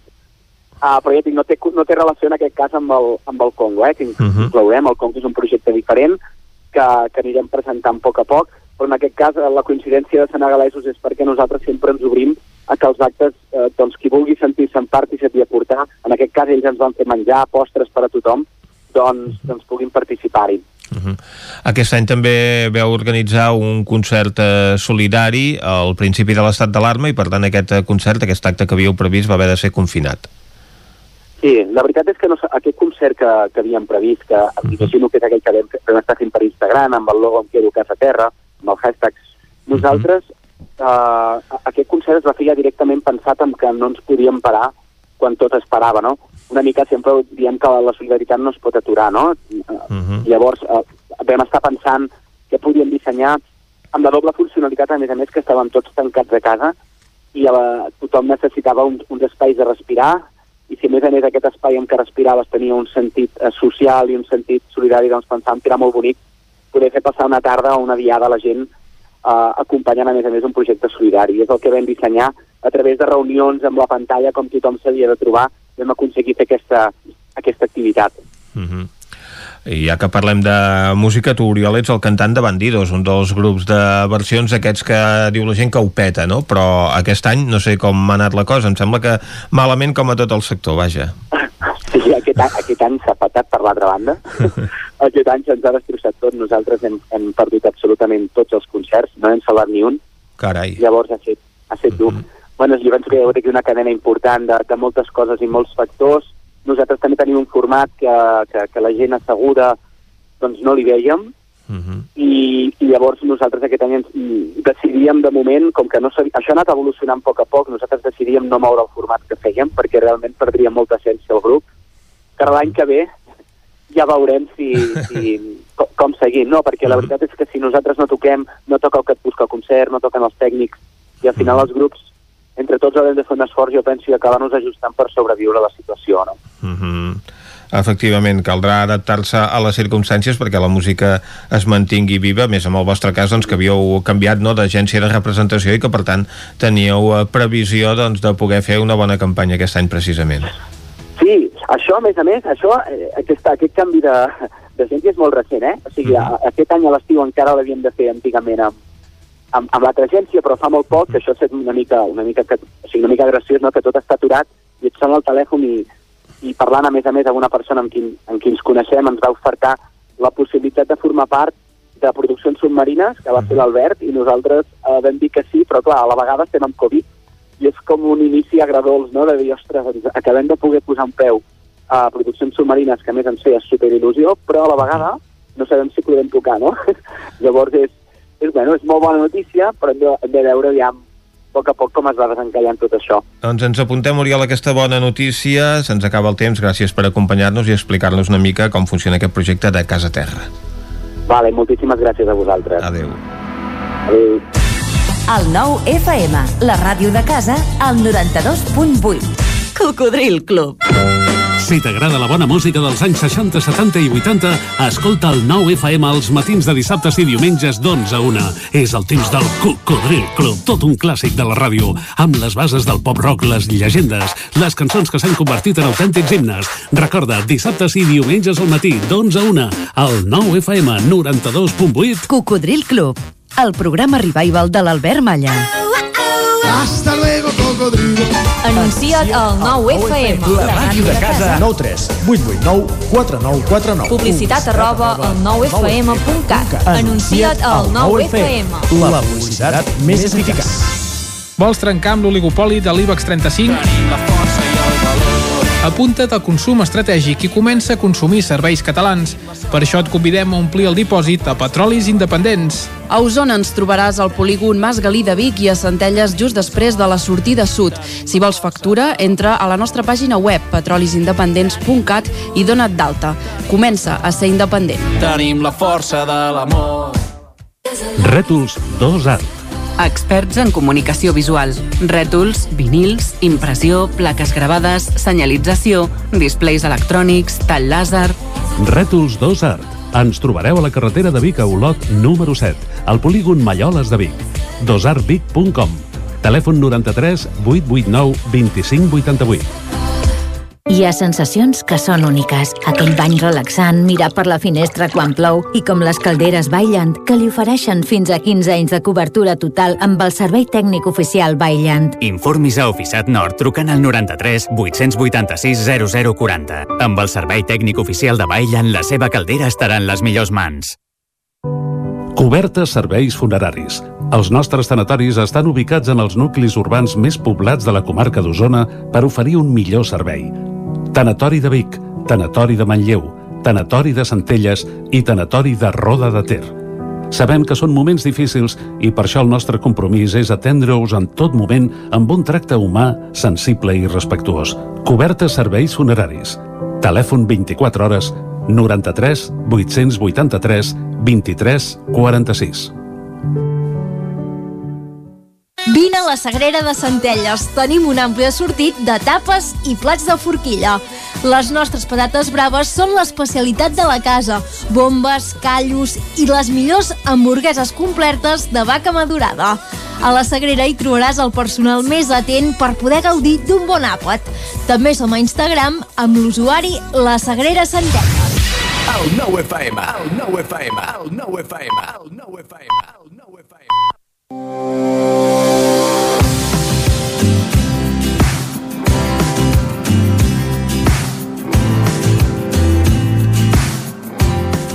avui continuem amb la comarca del Ripollès, però aquesta setmana hem pensat que per descobrir la comarca ho farem millor si ho fem de les mans del nostre company i amic Isaac Muntades. Avui ell ens porta una crònica feta pel Sergi del Pozo. Em dic Sergi, sóc de Can de Bànol i sóc educador ambiental a l'associació Alter. Jo us recomanaré dues rutes situades íntegrament dins del Parc Natural de les Capçaleres del Ter i el Freser. La primera, a la vall del Freser, concretament a les Goges del Freser, al municipi de Caralps, és una ruta circular, fàcil, d'aproximadament uns 6 quilòmetres, es pot fer amb dues hores i mitja i té uns 300 metres de desnivell. La ruta comença a la central hidroelèctrica de Daió, allà mateix es pot deixar el cotxe i un cop aparcats cal creuar el pont i seguir la indicació del salt del grill i coma de vaca. És un sender estret i rocós que puja pel costat del riu Freser. En poc menys de 20 minuts arribarem al salt del grill. Un salt d'aigua, eh, recomanable veure, d'uns 15 metres aproximadament, i on es pot aprofitar per fer un mos. Seguirem la ruta pujant per al camí empedrat que trobem passat el salt. Aquí potser és el punt més complicat a nivell de dificultat, eh, bàsicament perquè és un pas força aeri i força exposat, no per dificultat tècnica, en el qual cal tenir-hi una mica de precaució. Després passarem per una zona plena de ballaners i arribarem a un cartell indicatiu que ens direcciona o bé cap a Coma de Vaca o bé cap al Serrat i tornar una altra vegada cap a Daió. Nosaltres agafarem aquesta segona opció. Baixarem una mica fins al riu, creuarem el pont de Ribes i seguirem per una pista una bona estona, ara ja més pla, que s'endinsa el que seria l'anomenat Bosc del Rei. Un bosc de pi negre, amb sotabosc de naret i naviu, ideal per espècies protegides com el gall fer. Anirem baixant pel camí ample, creuant dues barreres, la segona més evident per impedir el pas dels cotxes. Uns metres més avall, després d'aquesta última barrera, just davant d'una paret encimentada, hem d'agafar un corriol que baixa a mà dreta pel torrent del forn, també indicat. Al principi és força costerut i cal estar atent a no relliscar. Després ja no fa tanta pendent. Arribarem al canal, el deixarem enrere i creuarem una gran canonada per agafar el camí que baixa just al seu costat. Ja estem arribant a la pista encimentada de la central de Daió, on al principi hem deixat el cotxe. Poc abans d'arribar a la pista veureu una mina, la mina de les Ielles, on s'hi havia extret arsènic. En resum, és una ruta molt bonica, amb bones vistes sobre les roques de tot l'Humont i on es pot gaudir del Cursal i les gorges del riu Freser. Espero que us agradi. Territori 17. Carai, Vicenç, ja podem anar d'excursió al Ripollès aquest cap de setmana, eh? A una mina d'arsènic, no t'ho perdis. No, no sabia que n'hi que n'hi hagués cap. Exacte. Uh, bé, està bé, està bé.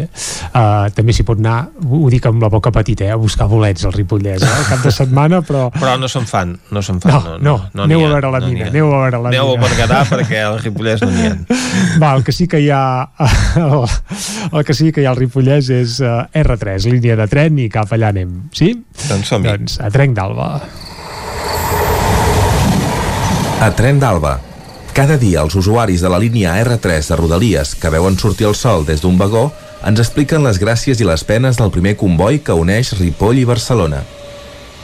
Benvinguts a Tren d'Alba. Doncs avui us parlarem d'una fotodenúncia. Resulta que el col·lectiu Perquè no ens fotin el tren va penjar al seu Twitter una foto de les escales mecàniques de l'estació de Vic, que es veu que fa més d'un mes que no funcionen. Bé, si només fos això, aquestes escales em sembla que són com en Hazard del Madrid o en Dembélé del Barça. Funcionen alguns dies molt bé i de cop i volta s'espatllen i s'estan uns mesos fora de servei. En fi, us deixo amb la crònica de la Núria, que avui en té una de freda i una de calenta. Bon dia des de l'R3. Avui el tren ha sortit puntual i casualment també ha arribat puntual a destí. Ho hem de celebrar, portem dos dies seguits amb puntualitat, a veure si ho mantenen. No obstant, el que sí que us he de dir és que he anat tot el trajecte dreta. Sí, o sigui, posen trens petits quan es, se suposa que hem de mantenir distàncies, que um, la gent ha de guardar un espai per no contagiar-se i en canvi posen trens petits i anem tots amuntegats com sardines. No entenc com estan restringint les reunions de 10 a 6 persones i ens han dit que per Nadal no podrem ni cagar el tió, ni fer dinars de família, ni podrem fer res perquè no podem ser més de 6 persones i en canvi al tren anem com anxoves. Anem tots dret, plens, eh, no pots guardar la distància en res,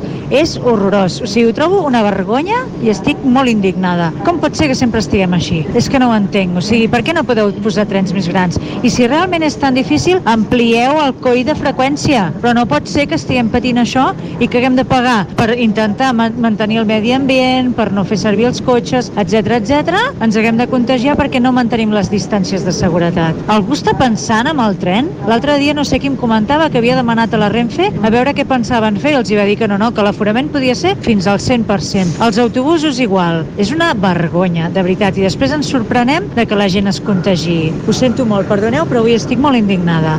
Vinga, una abraçada des de la R3. La Núria, molt enfadada. Apa, fins demà. La Núria està ben indignada. Són aquelles incongruències de la vida que costa d'entendre. Ja m'ha explicat més d'una vegada l'eterna problemàtica de posar trens curts, i això, evidentment, provoca grans aglomeracions de persones, sobretot a les estacions més pròximes a Barcelona. En canvi, per compensar-ho, no augmenten la freqüència dels trens. De fet, en alguns casos la disminueixen. Un autèntic desastre. Va, ens retrobem demà i recordeu que ja portem un retard acumulat d'una hora i 47 minuts des de l'inici d'aquest mes de setembre. Territori 17.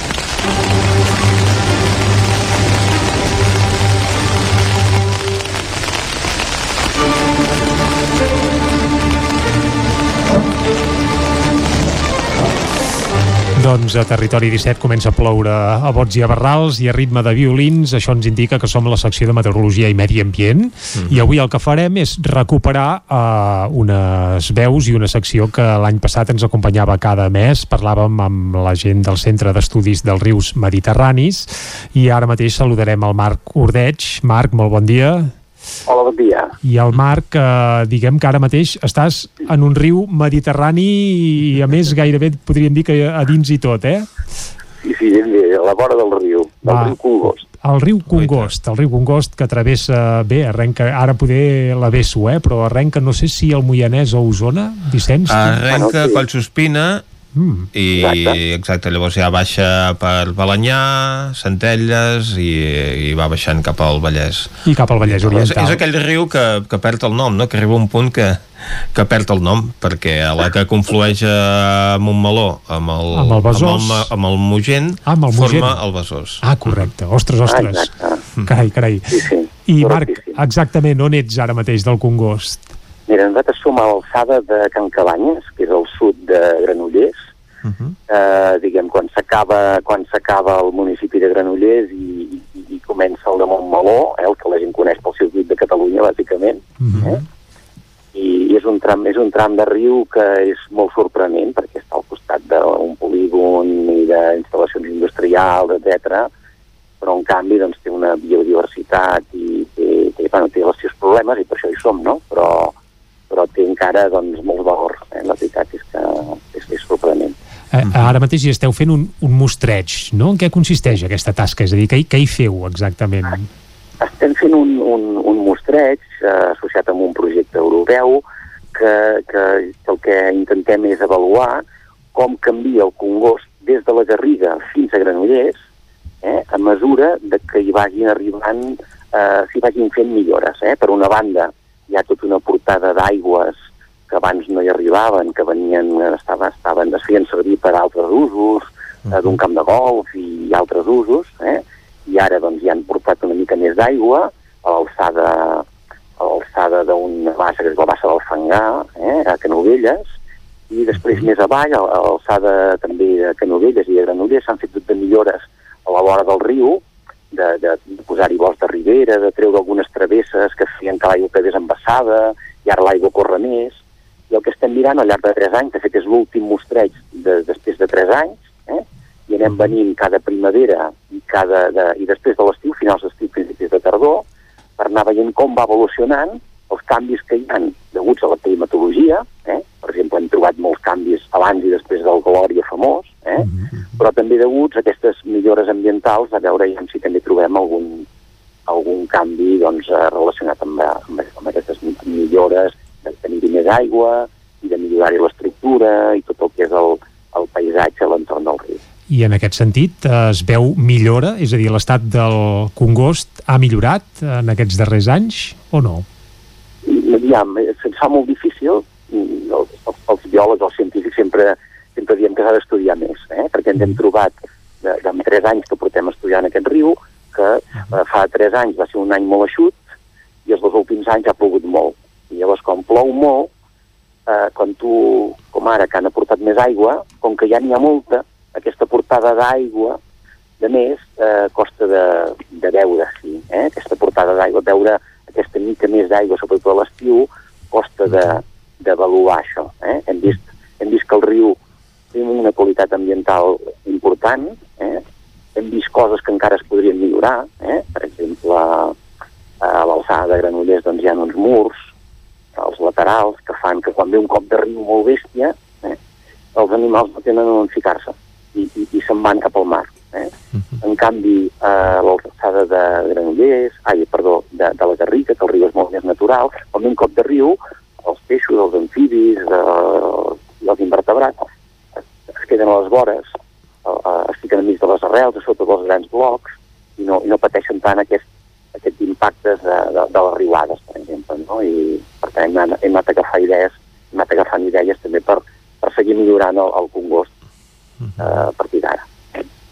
I pel que fa, anava a dir, eh, no sé, per exemple, peixos, eh, també parlaves d'amfibis, eh, no sé si n'hi ha gaires al Congost a l'alçada on esteu ara, o, o sí que encara s'hi troba alguna cosa? Com, com és, estan és, aquests? sorprenent, és sorprenent la quantitat que n'hi ha. Eh? Sí? De fet, eh, és sorprenent. Nosaltres el que fem és mirar tres blocs de coses. Eh? Un, un és els hàbitats, veure quin tipus d'ambient hi ha dins de l'aigua i a la vora del riu, eh? quins ambients, si l'aigua corre, si l'aigua és més fonda o menys, i definim una sèrie de característiques, fem una mena de cartografia d'aquests ambients i com van canviant al cap d'uns mesos, eh? cada vegada que hi anem, també mirem la vegetació, etc. Eh? Després mirem els invertebrats, els animalons, eh, els, els, els insectes, caragols, escarbats, etc. Tots aquests ens indiquen quina qualitat hi ha, però a més a més eh, són l'aliment dels peixos eh? i dels amfibis, i per tant ens interessa molt veure si hi ha aliment disponible o no, etc. I, I finalment també mirem els peixos.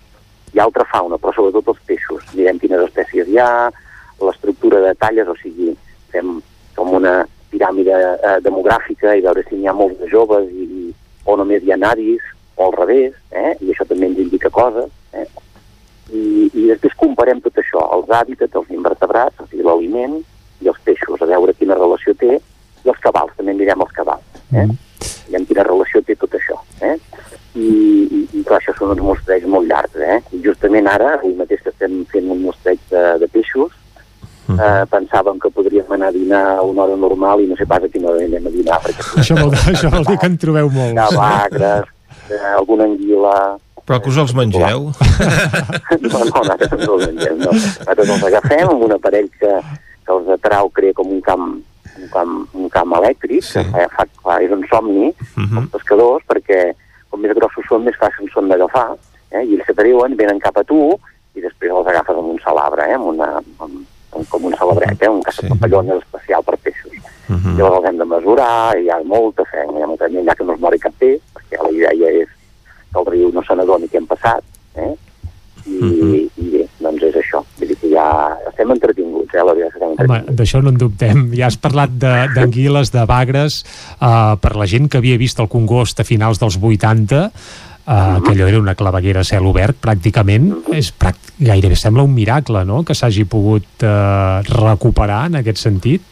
És, és, un miracle. Jo crec que, no ho sé, és un miracle. Eh? Vull dir que jo que fa molts anys que em dedico a això i que vaig treballar molt temps en depuració d'aigües i conec com funcionen les depuradores, veure això, mm, bé, eh, és un miracle. Hi ha algunes indústries, per exemple, que hi havia hagut algunes palleries molt contaminants a l'entorn de la Garriga, que ara no hi són, però la resta és aigua que es depura eh? I, i per tant es deu depurar prou bé perquè l'aigua que arriba aquí doncs, té una qualitat eh, entre excel·lent, o sigui, entre bona i molt bona. Eh? Pot fluctuar una mica, però és molt bona. I realment és dels rius de Catalunya que ara mateix té un poblament de peixos més natural.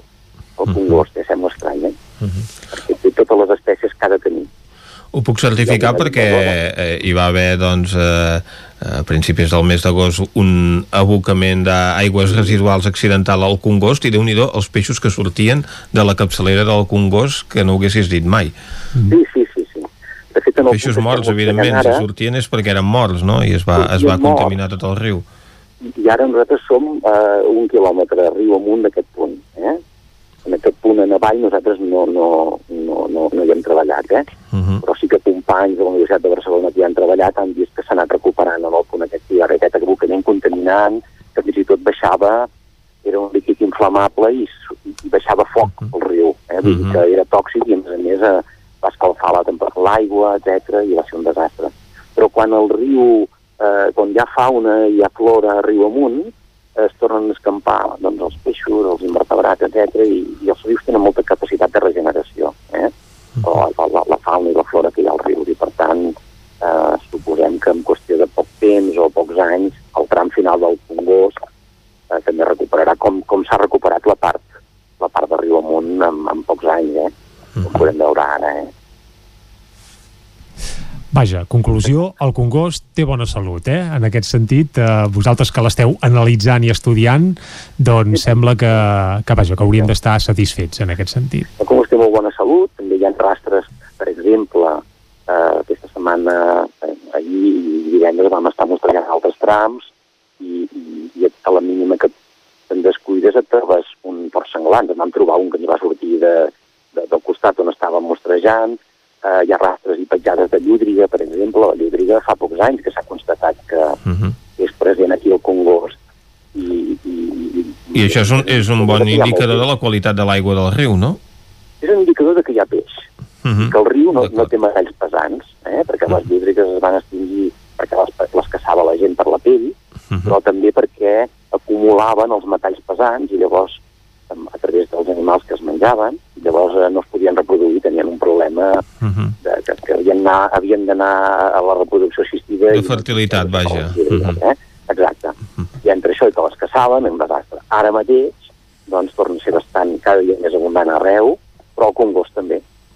I el Congost té una part, eh, ja, ja per acabar, eh, té una part que és deguda a la presència humana, que és que hi ha una part de l'aigua que ve del Ter a través de Centelles, Sant Martí de Centelles eh, i la Garriga, que és aigua que es capta del Ter per, abast per abastament industrial i, i, i de, les, de, de les cases, i un cop s'ha depurat va parar al Congost, de manera que per l'estiu no s'aixuca tant com seria normal.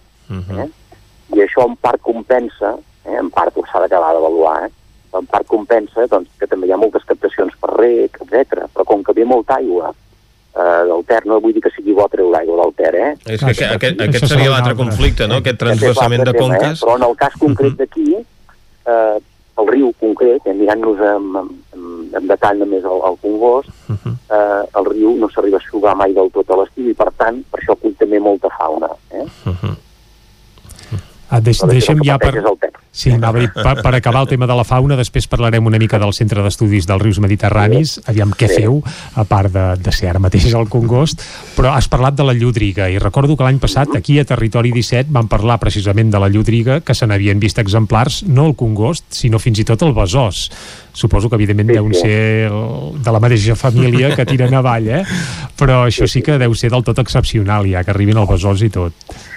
Bé, jo, jo no, no, al tram final del Besòs hi hem treballat poquet, però alguns cops que hem fet algun mostret, perquè ens toca anar una mica per tot arreu, doncs hi ha molt peix. El tram final del Besòs, a, a prop de, d'aquelles, de, de les xamanelles de Santa Coloma, De Sant Adrià. de Santa Coloma, eh, de Sant Adrià, perdó, i de, i de Barcelona, allà hi ha molt peix, i, i la llibreria, com que pot arribar fins al mar, ara mateix, per exemple, em comentaven que ja arriba a les Illes Medes, eh? va, va des de la, des de, des de les aigües de l'Empordà o de, vora de, de, de, de, de la platja i arriba fins a les Medes, eh? la llibreria. Vull dir que és un animal que s'adapta bé a un entorn també marí, eh? I, i per tant, bé, el tram final no té la mateixa qualitat que, que aquí a Granollers, eh? està una mica més tocat, però, eh, però mira, perfecte. Molt bé, els responsables d'aquest uh, mostreig que esteu fent al Congost uh, sou el Centre d'Estudis dels Rius Mediterranis. L'any passat ens vau acompanyar aquí Territori 17 uh, cada mes, vam fer seguiment de diferents aspectes, però el que voldríem és recordar a la gent què és el centre i sobretot què fa, no? A part precisament doncs, de fer mostrejos com ara el que esteu fent al, al Congost. No? A molts grans trets, Marc, quan et diuen què feu al CERM, al Centre d'Estudis dels Rius Mediterranis, com ho expliques? Com ho podríem fer entendre a la gent, el que feu Quan, des quan del la gent em fa aquesta pregunta, normalment intento evitar-la perquè és una mica complexa, però clar, estic agafat, eh? ja ho veig, no tinc més remei. El, el, el Centre d'Estudis dels Rius Mediterranis va néixer eh, l'any 2001 eh? en el marc del Museu del Ter, que abans es deia Museu Industrial del Ter, a Manlleu, eh? com a àrea ambiental del Museu del Ter. I allí, diguem que encara teniu la seu central, per entendre'ns, eh? Sí, sí, sí. sí. I, i, I des del 2016, eh, a més a més de ser l'àrea ambiental del Museu del Ter, que això ho seguim sent, eh, i, i tenim la seu al Museu del Ter, doncs eh, també ens van incorporar com a centre, com un centre de recerca de la Universitat de Vic. O sigui que ara mateix tenim dos barrets que són un, perquè al final anem ben coordinats, som un centre de recerca de la Universitat de Vic i alhora l'àrea ambiental del Museu Ter. Eh?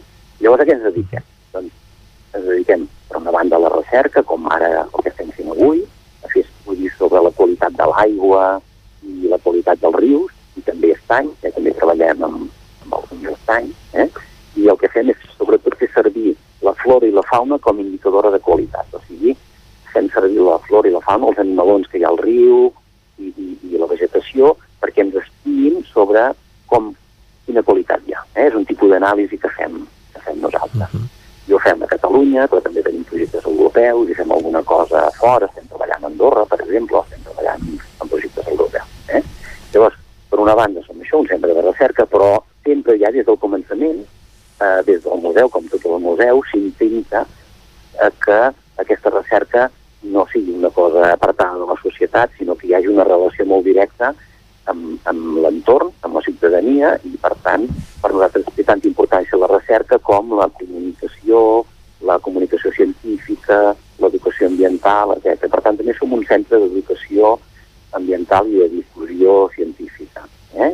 I, per exemple, doncs, des del mateix museu es fan molts tallers eh, per escoles, eh? tallers on els nois i noies, nens i nenes, o també gent gran, els caps de setmana, adopten el paper d'investigadors i fan coses semblants a les que fem quan anem a treballar professionalment. Eh? I eh, una, una tercera cosa que també fem és eh, intentar treballar en projectes demostratius de restauració de rius. O sigui, intentar restaurar rius i estanys de manera que es pugui compaginar eh, l'ús doncs, d'un pagès que té doncs, uns camps a prop del riu, eh? però que alhora a la vora del riu tingui la màxima qualitat ambiental. Eh? I llavors amb acords, també amb acords de custòdia, que són acords voluntaris, amb ajuntaments i amb propietaris particulars, per anar restaurant les vores de riu o d'estanys o basses, eh? de manera que eh, allò sigui el més natural possible i alhora doncs, també es pugui guanyar la vida, eh? per intentar ser exemplar. I això doncs, ho aprofitem per estudiar-ho, per també per fer tallers de formació, etc. I aquí combinem la recerca i. Eh?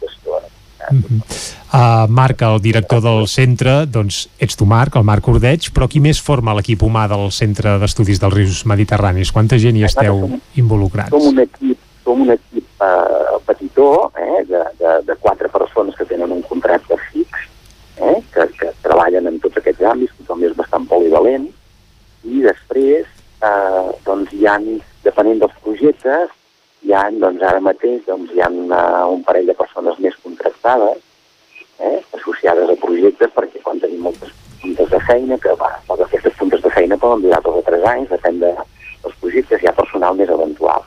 Uh -huh. Hi ha, eh, doncs sempre hi ha algun estudiant que està fent el doctorat, estudiants en pràctiques, per exemple, ara mateix tenim una noia doncs, que està fent un treball de final de, de grau de la Universitat de Vic, però que ha vingut de Mallorca, o tenim una noia portuguesa que també està fent el doctorat amb nosaltres, -huh. tenim gent que, que passa una temporada amb nosaltres per formar-se també. Eh? Per tant, també nosaltres estem vinculats a la universitat des d'un punt de vista de formació arreglada. Eh? També fem classes a la universitat, etc. Per tant, fem un, un ventall de coses eh, bastant gran. Mm. Eh?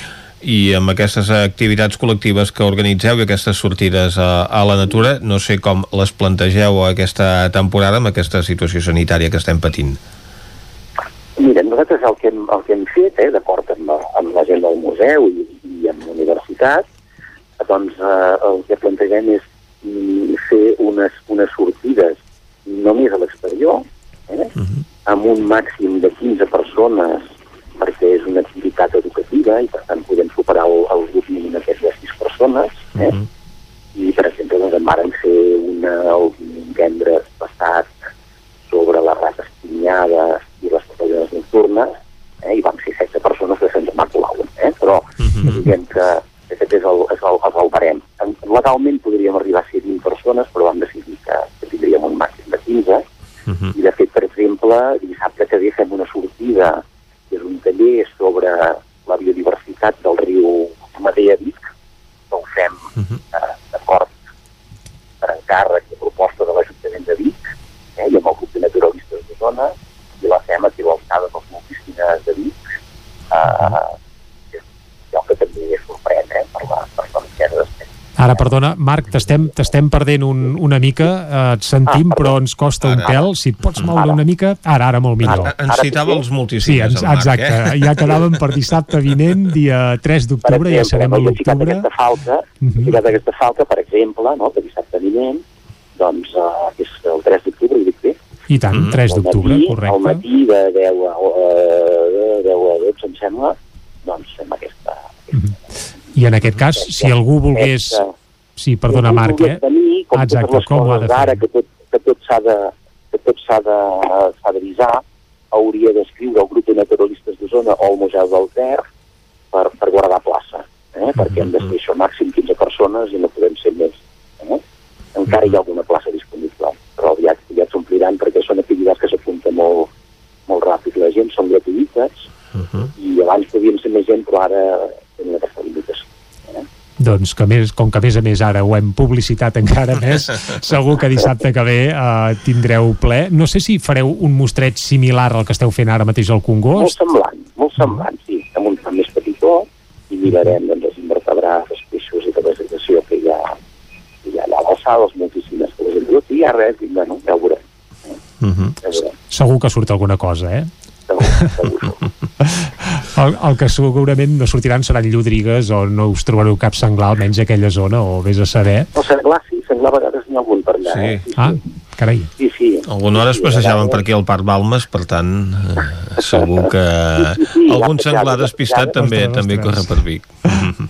Llúdriga, llúdriga eh, hi, ha una fotogra hi ha una fotografia o una filmació de la Guixa que és uh -huh. eh, fa dos anys per Nadal, que era de llúdriga. Per tant, potser hi és o potser no hi és, potser estava de pas. Eh? Penseu que els mascles de llúdriga poden, les femelles no corren tant, però els mascles poden córrer uns quants quilòmetres cada dia. Uh -huh. eh? I, i es desplacen. Per tant, pot ser que hi siguin de pas, però pot ser que també hi hagi híbrides eh, allà. Doncs Marc Ordeig, director del Centre d'Estudis dels Rius Mediterranis, eh, moltes gràcies per acompanyar-nos a Territori 17 i t'emplacem a tu o, vaja, o als, als teus companys del centre eh, d'aquí un mes que ens torneu a visitar perquè durant aquesta temporada també traureu el cap sovint aquí a Territori 17. Per tant, moltes gràcies i fins ben aviat. A vosaltres, que vagi molt bé. Moltes gràcies, Marc. I Vicenç, anem per acabar ja. Exacte, hem parlat amb en Marc Cordeig al Centre d'Estudis dels Rius Mediterranis, amb ell acabem el programa d'avui, un programa que us hem fet també Clàudia Dinarès, Caral Campàs, Isaac Muntades, David Auladell, en Pep Acosta, l'Isaac Moreno, en Guillem Freixa, la Xela Falgueres, en Jordi Sunyer i en Vicenç Vigues. Nosaltres tornarem demà, com sempre, des de les 9 del matí fins a les 12 del migdia. Adeu. Siau. Territori 17, un magazín del nou FM. La veu de Sant Joan, Ona Codinenca i Ràdio Cardedeu amb el suport de la xarxa.